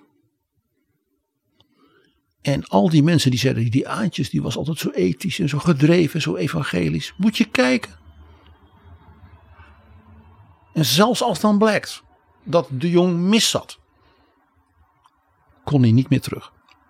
Dat is natuurlijk de tragiek van deze man geweest. Ja. En toen zat hij thuis en hij had niks om handen. En ja, daar was Wim Aantjes, en dat is begrijpelijk hoor. Maar toch, daar was hij niet goed in. Hij ging dus naar het partijbestuur van het CDA en zei: maak me dan kandidaat voor het Europees Parlement volgend jaar in 79. Dus Ja. bij die eerste verkiezing door de kiezers in heel Europa. Ja, interessant, want eh, je hebt straks gemarkeerd die Europeanisering van de politiek, die leidde ook tot een versnelling in de vorming van het CDA. Dus het zou ook niet zo onlogisch zijn als Aantjes, die ook buitenlandwoordvoerder was geweest, want toen werd Europa nog als buitenland gezien, naar Straatsburg zou gaan uiteindelijk. Dat partijbestuur dacht, ja, wat moeten we met die man? Ja, lijstduwer kun je hem moeilijk maken. Het is een grote persoonlijkheid. Het is een politicus van, van gewicht, eh, van acht, hè, groot talent. Dus die man moet lijsttrekker worden. Die zagen het al gebeuren. Dat alles weer opgerakeld zou Natuurlijk. worden. Al die misverstanden weer tot krantenkoppen zouden leiden. Ja, en zoiets van. eh, En nu zelfs in Europa. Ja, denk eens even wat, wat het, de, een vilijn blad als Der Spiegel daarover zou schrijven voor heraantjes. Of Beeld. Ja, nou, je begrijpt. Dus in het partijbestuur heeft toen Jan de Koning als verzetsman uit de ARP ook gezegd: dit moesten we maar niet doen. Want hij zegt: dit roept allemaal weer emoties op bij mensen. En ten tweede, we willen toch uitstralen dat we met die Europese verkiezingen, dat de burgers zelf dat gaan, daarvoor gaan stemmen. Dat we in Europa nu ons met elkaar vinden. Dat we ons verzoenen aan al dat gedoe. Ook weer de pragmatische zou je kunnen zeggen, Jan de Koning. Dus Wim is daar niet het beste icoon van. Heel bitter natuurlijk. Dus hij werd het niet. Uiteindelijk kreeg hij de functie voorzitter van de kampeerraad. Ja, dat zag hij zelf als een vernedering. Maar hij heeft het wel genomen. Nou, dat, dat was natuurlijk wel een vernedering. Maar ik heb toen toch gezegd. Nou, als ik wat om handen krijg, zal ik laten zien dat ik, eh, dat ik ook daar wat van maken kan. En ik heb het twaalf jaar gedaan. En op een manier waardoor ik er zelf een, toch veel meer, voor steeds meer affiniteit mee gekregen heb. Dat kan het leven, als je maar een kans krijgt. Dries van Acht heeft later gezegd in een gesprek wat hij had, een heel bijzonder gesprek met Aantjes voor de camera's van het televisieprogramma Buitenhof onder leiding van Rob Trip, dat hij heel erg zijn best had gedaan om Aantjes aan een echte functie te helpen. Eh, misschien als ik op een, op een eh, autoritaire, tamelijk autoritaire manier ergens had doorgedouwd, had ik misschien wel eens kunnen maken. Maar de sfeer hè, in die dagen, weken, heeft nog een hele poos doorgeduurd. Langzaamaan ebde dat natuurlijk wat af.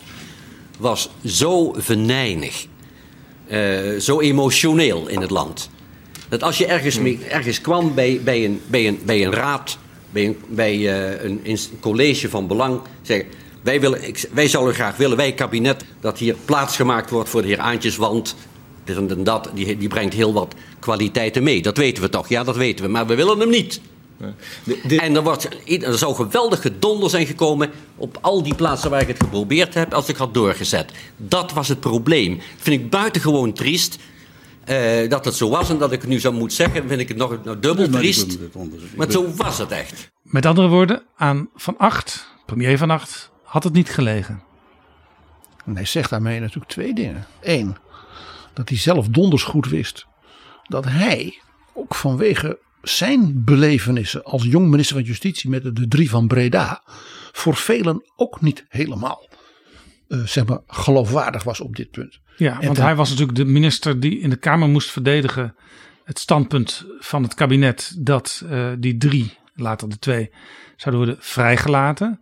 Wat tot een enorm gedoe heeft geleid. eh, volle publieke tribunes, verdeelde fracties, want er kon naar het eigen geweten, zoals dat toen heette, gestemd worden.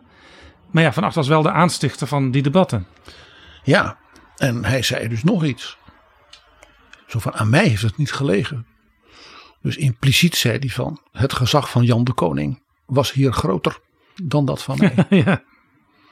Zeker ook de ARP, verzetsman Jan de Koning. Dit is Betrouwbare Bronnen. Jaap, ik heb nog een klein verhaaltje uit eigen belevenis. Eh, vlak daarna was natuurlijk het CDA één partij geworden. En moest dus ook in Europa toen voor het eerst met ja, de zusterpartijen relaties ontwikkelen. Kijk, de CAU had niet maandelijks overleg met de, met de Beierse CSU van Frans Jozef Strauss, hè, dat begrijp je. En de ARP ook niet met de Italiaanse Democratia Christiana. Maar toen dat CDA dus één partij was, en een grote partij, en met de premier, moest die partij zich ook in Europa gaan positioneren. Dus er werd een werkbezoek georganiseerd naar de CDU. Vanuit het CDA en op verzoek van de Duitsers. In welk jaar leven we nu? 1981. Dus de, de CDU nodigde dus een grote delegatie van het CDA uit voor indringend beraad een week lang in West-Berlijn. Natuurlijk ook ter promotie van die stad. En dat, die delegatie werd natuurlijk geleid door de erevoorzitter Piet Steenkamp. Piet Steenkamp riep mij bij zich in de Eerste Kamer en die zei: Jij moet iets voor mij doen. Wim Aantjes heeft zich gemeld, die wil mee. En wij zitten er niet op te wachten dat Wim Aantjes met ons daar in Duitsland bij die Duitsers. Want dat roept natuurlijk weer allemaal gedoe op. Ja. Dus of ik niet een heleboel hele slimme jonge CDJA en CDA-studenten die veel van Duitsland wisten en politiek en zo, kon opporren om mee te gaan. Het was tenslotte goed betaald door de Konrad Adenauer Stichting. Om Aantjes een beetje te omringen. Juist. Nou ja, dus ik heb mijn best gedaan en het lukte echt heel erg goed, moet ik eerlijk zeggen. Dus we hadden een heel leuk uh, team, veel jonge mensen, maar ook een aantal topbestuurders. En die Duitsers vonden dat prachtig jonge mensen, eh, spreken allemaal goed Duits. Hè. Viel, viel allemaal heel erg mee, die Hollanders. De eerste avond in Berlijn, bij de borrel, schiet Wim Aantjes mij aan. En die zegt alleen maar, ik weet wat jij doet hoor. De machtspoliticus had door wat er gebeurde. Hij zegt, ik, Piet kijkt naar jou en dan krijgt weer een van de jongeren van jou het woord. Ik zeg, ja, zo is Piet. Die wil de jongen altijd een kans geven. Ja, zei hij. Ik heb je wel door hoor. Wim Aantjes bleef, wat jij zegt, de scherp observerende. Ook dus weer hier de procedures snappende man van ik zie wat hier gebeurt. Aan het eind van het bezoek, en dan kon je toch zien dat er, ja, die man dus echt beschadigd was. Hè? Uh, geknakt. Toen zei hij, ja, ik heb uh, uh, nog eens even rondgevraagd. Want hij was eigenlijk van plan om niet terug te gaan met de bus naar Nederland. Oh. Want hij had bekeken of hij niet vanuit West-Berlijn via Oost-Berlijn naar Mecklenburg kon. Om te gaan rondkijken in waar hij toen als PTT-ambtenaar brieven had rondgebracht. En of er nog mensen leefden uit die tijd. A sentimental journey. A sentimental journey. Ik dacht dat Steenkamp een hartstilstand kreeg. Die dacht, als dit in de pers komt, dat je dat niet aanvoelt. Ik heb het altijd ook heel tragisch gevonden. Dat die man, die was dus nog steeds niet los van wat er toen met hem gebeurd is. En dat is geen verwijt, want dat geldt ook voor die hele generatie. Hebben dingen in de oorlog meegemaakt. Niet allemaal in Mecklenburg.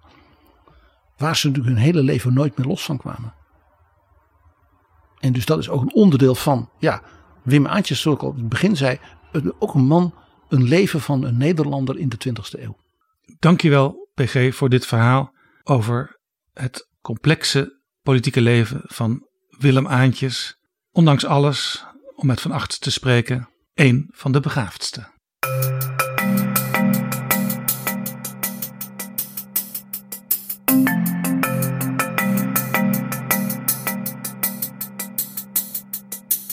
Zo, dit was Betrouwbare Bronnen, aflevering 326.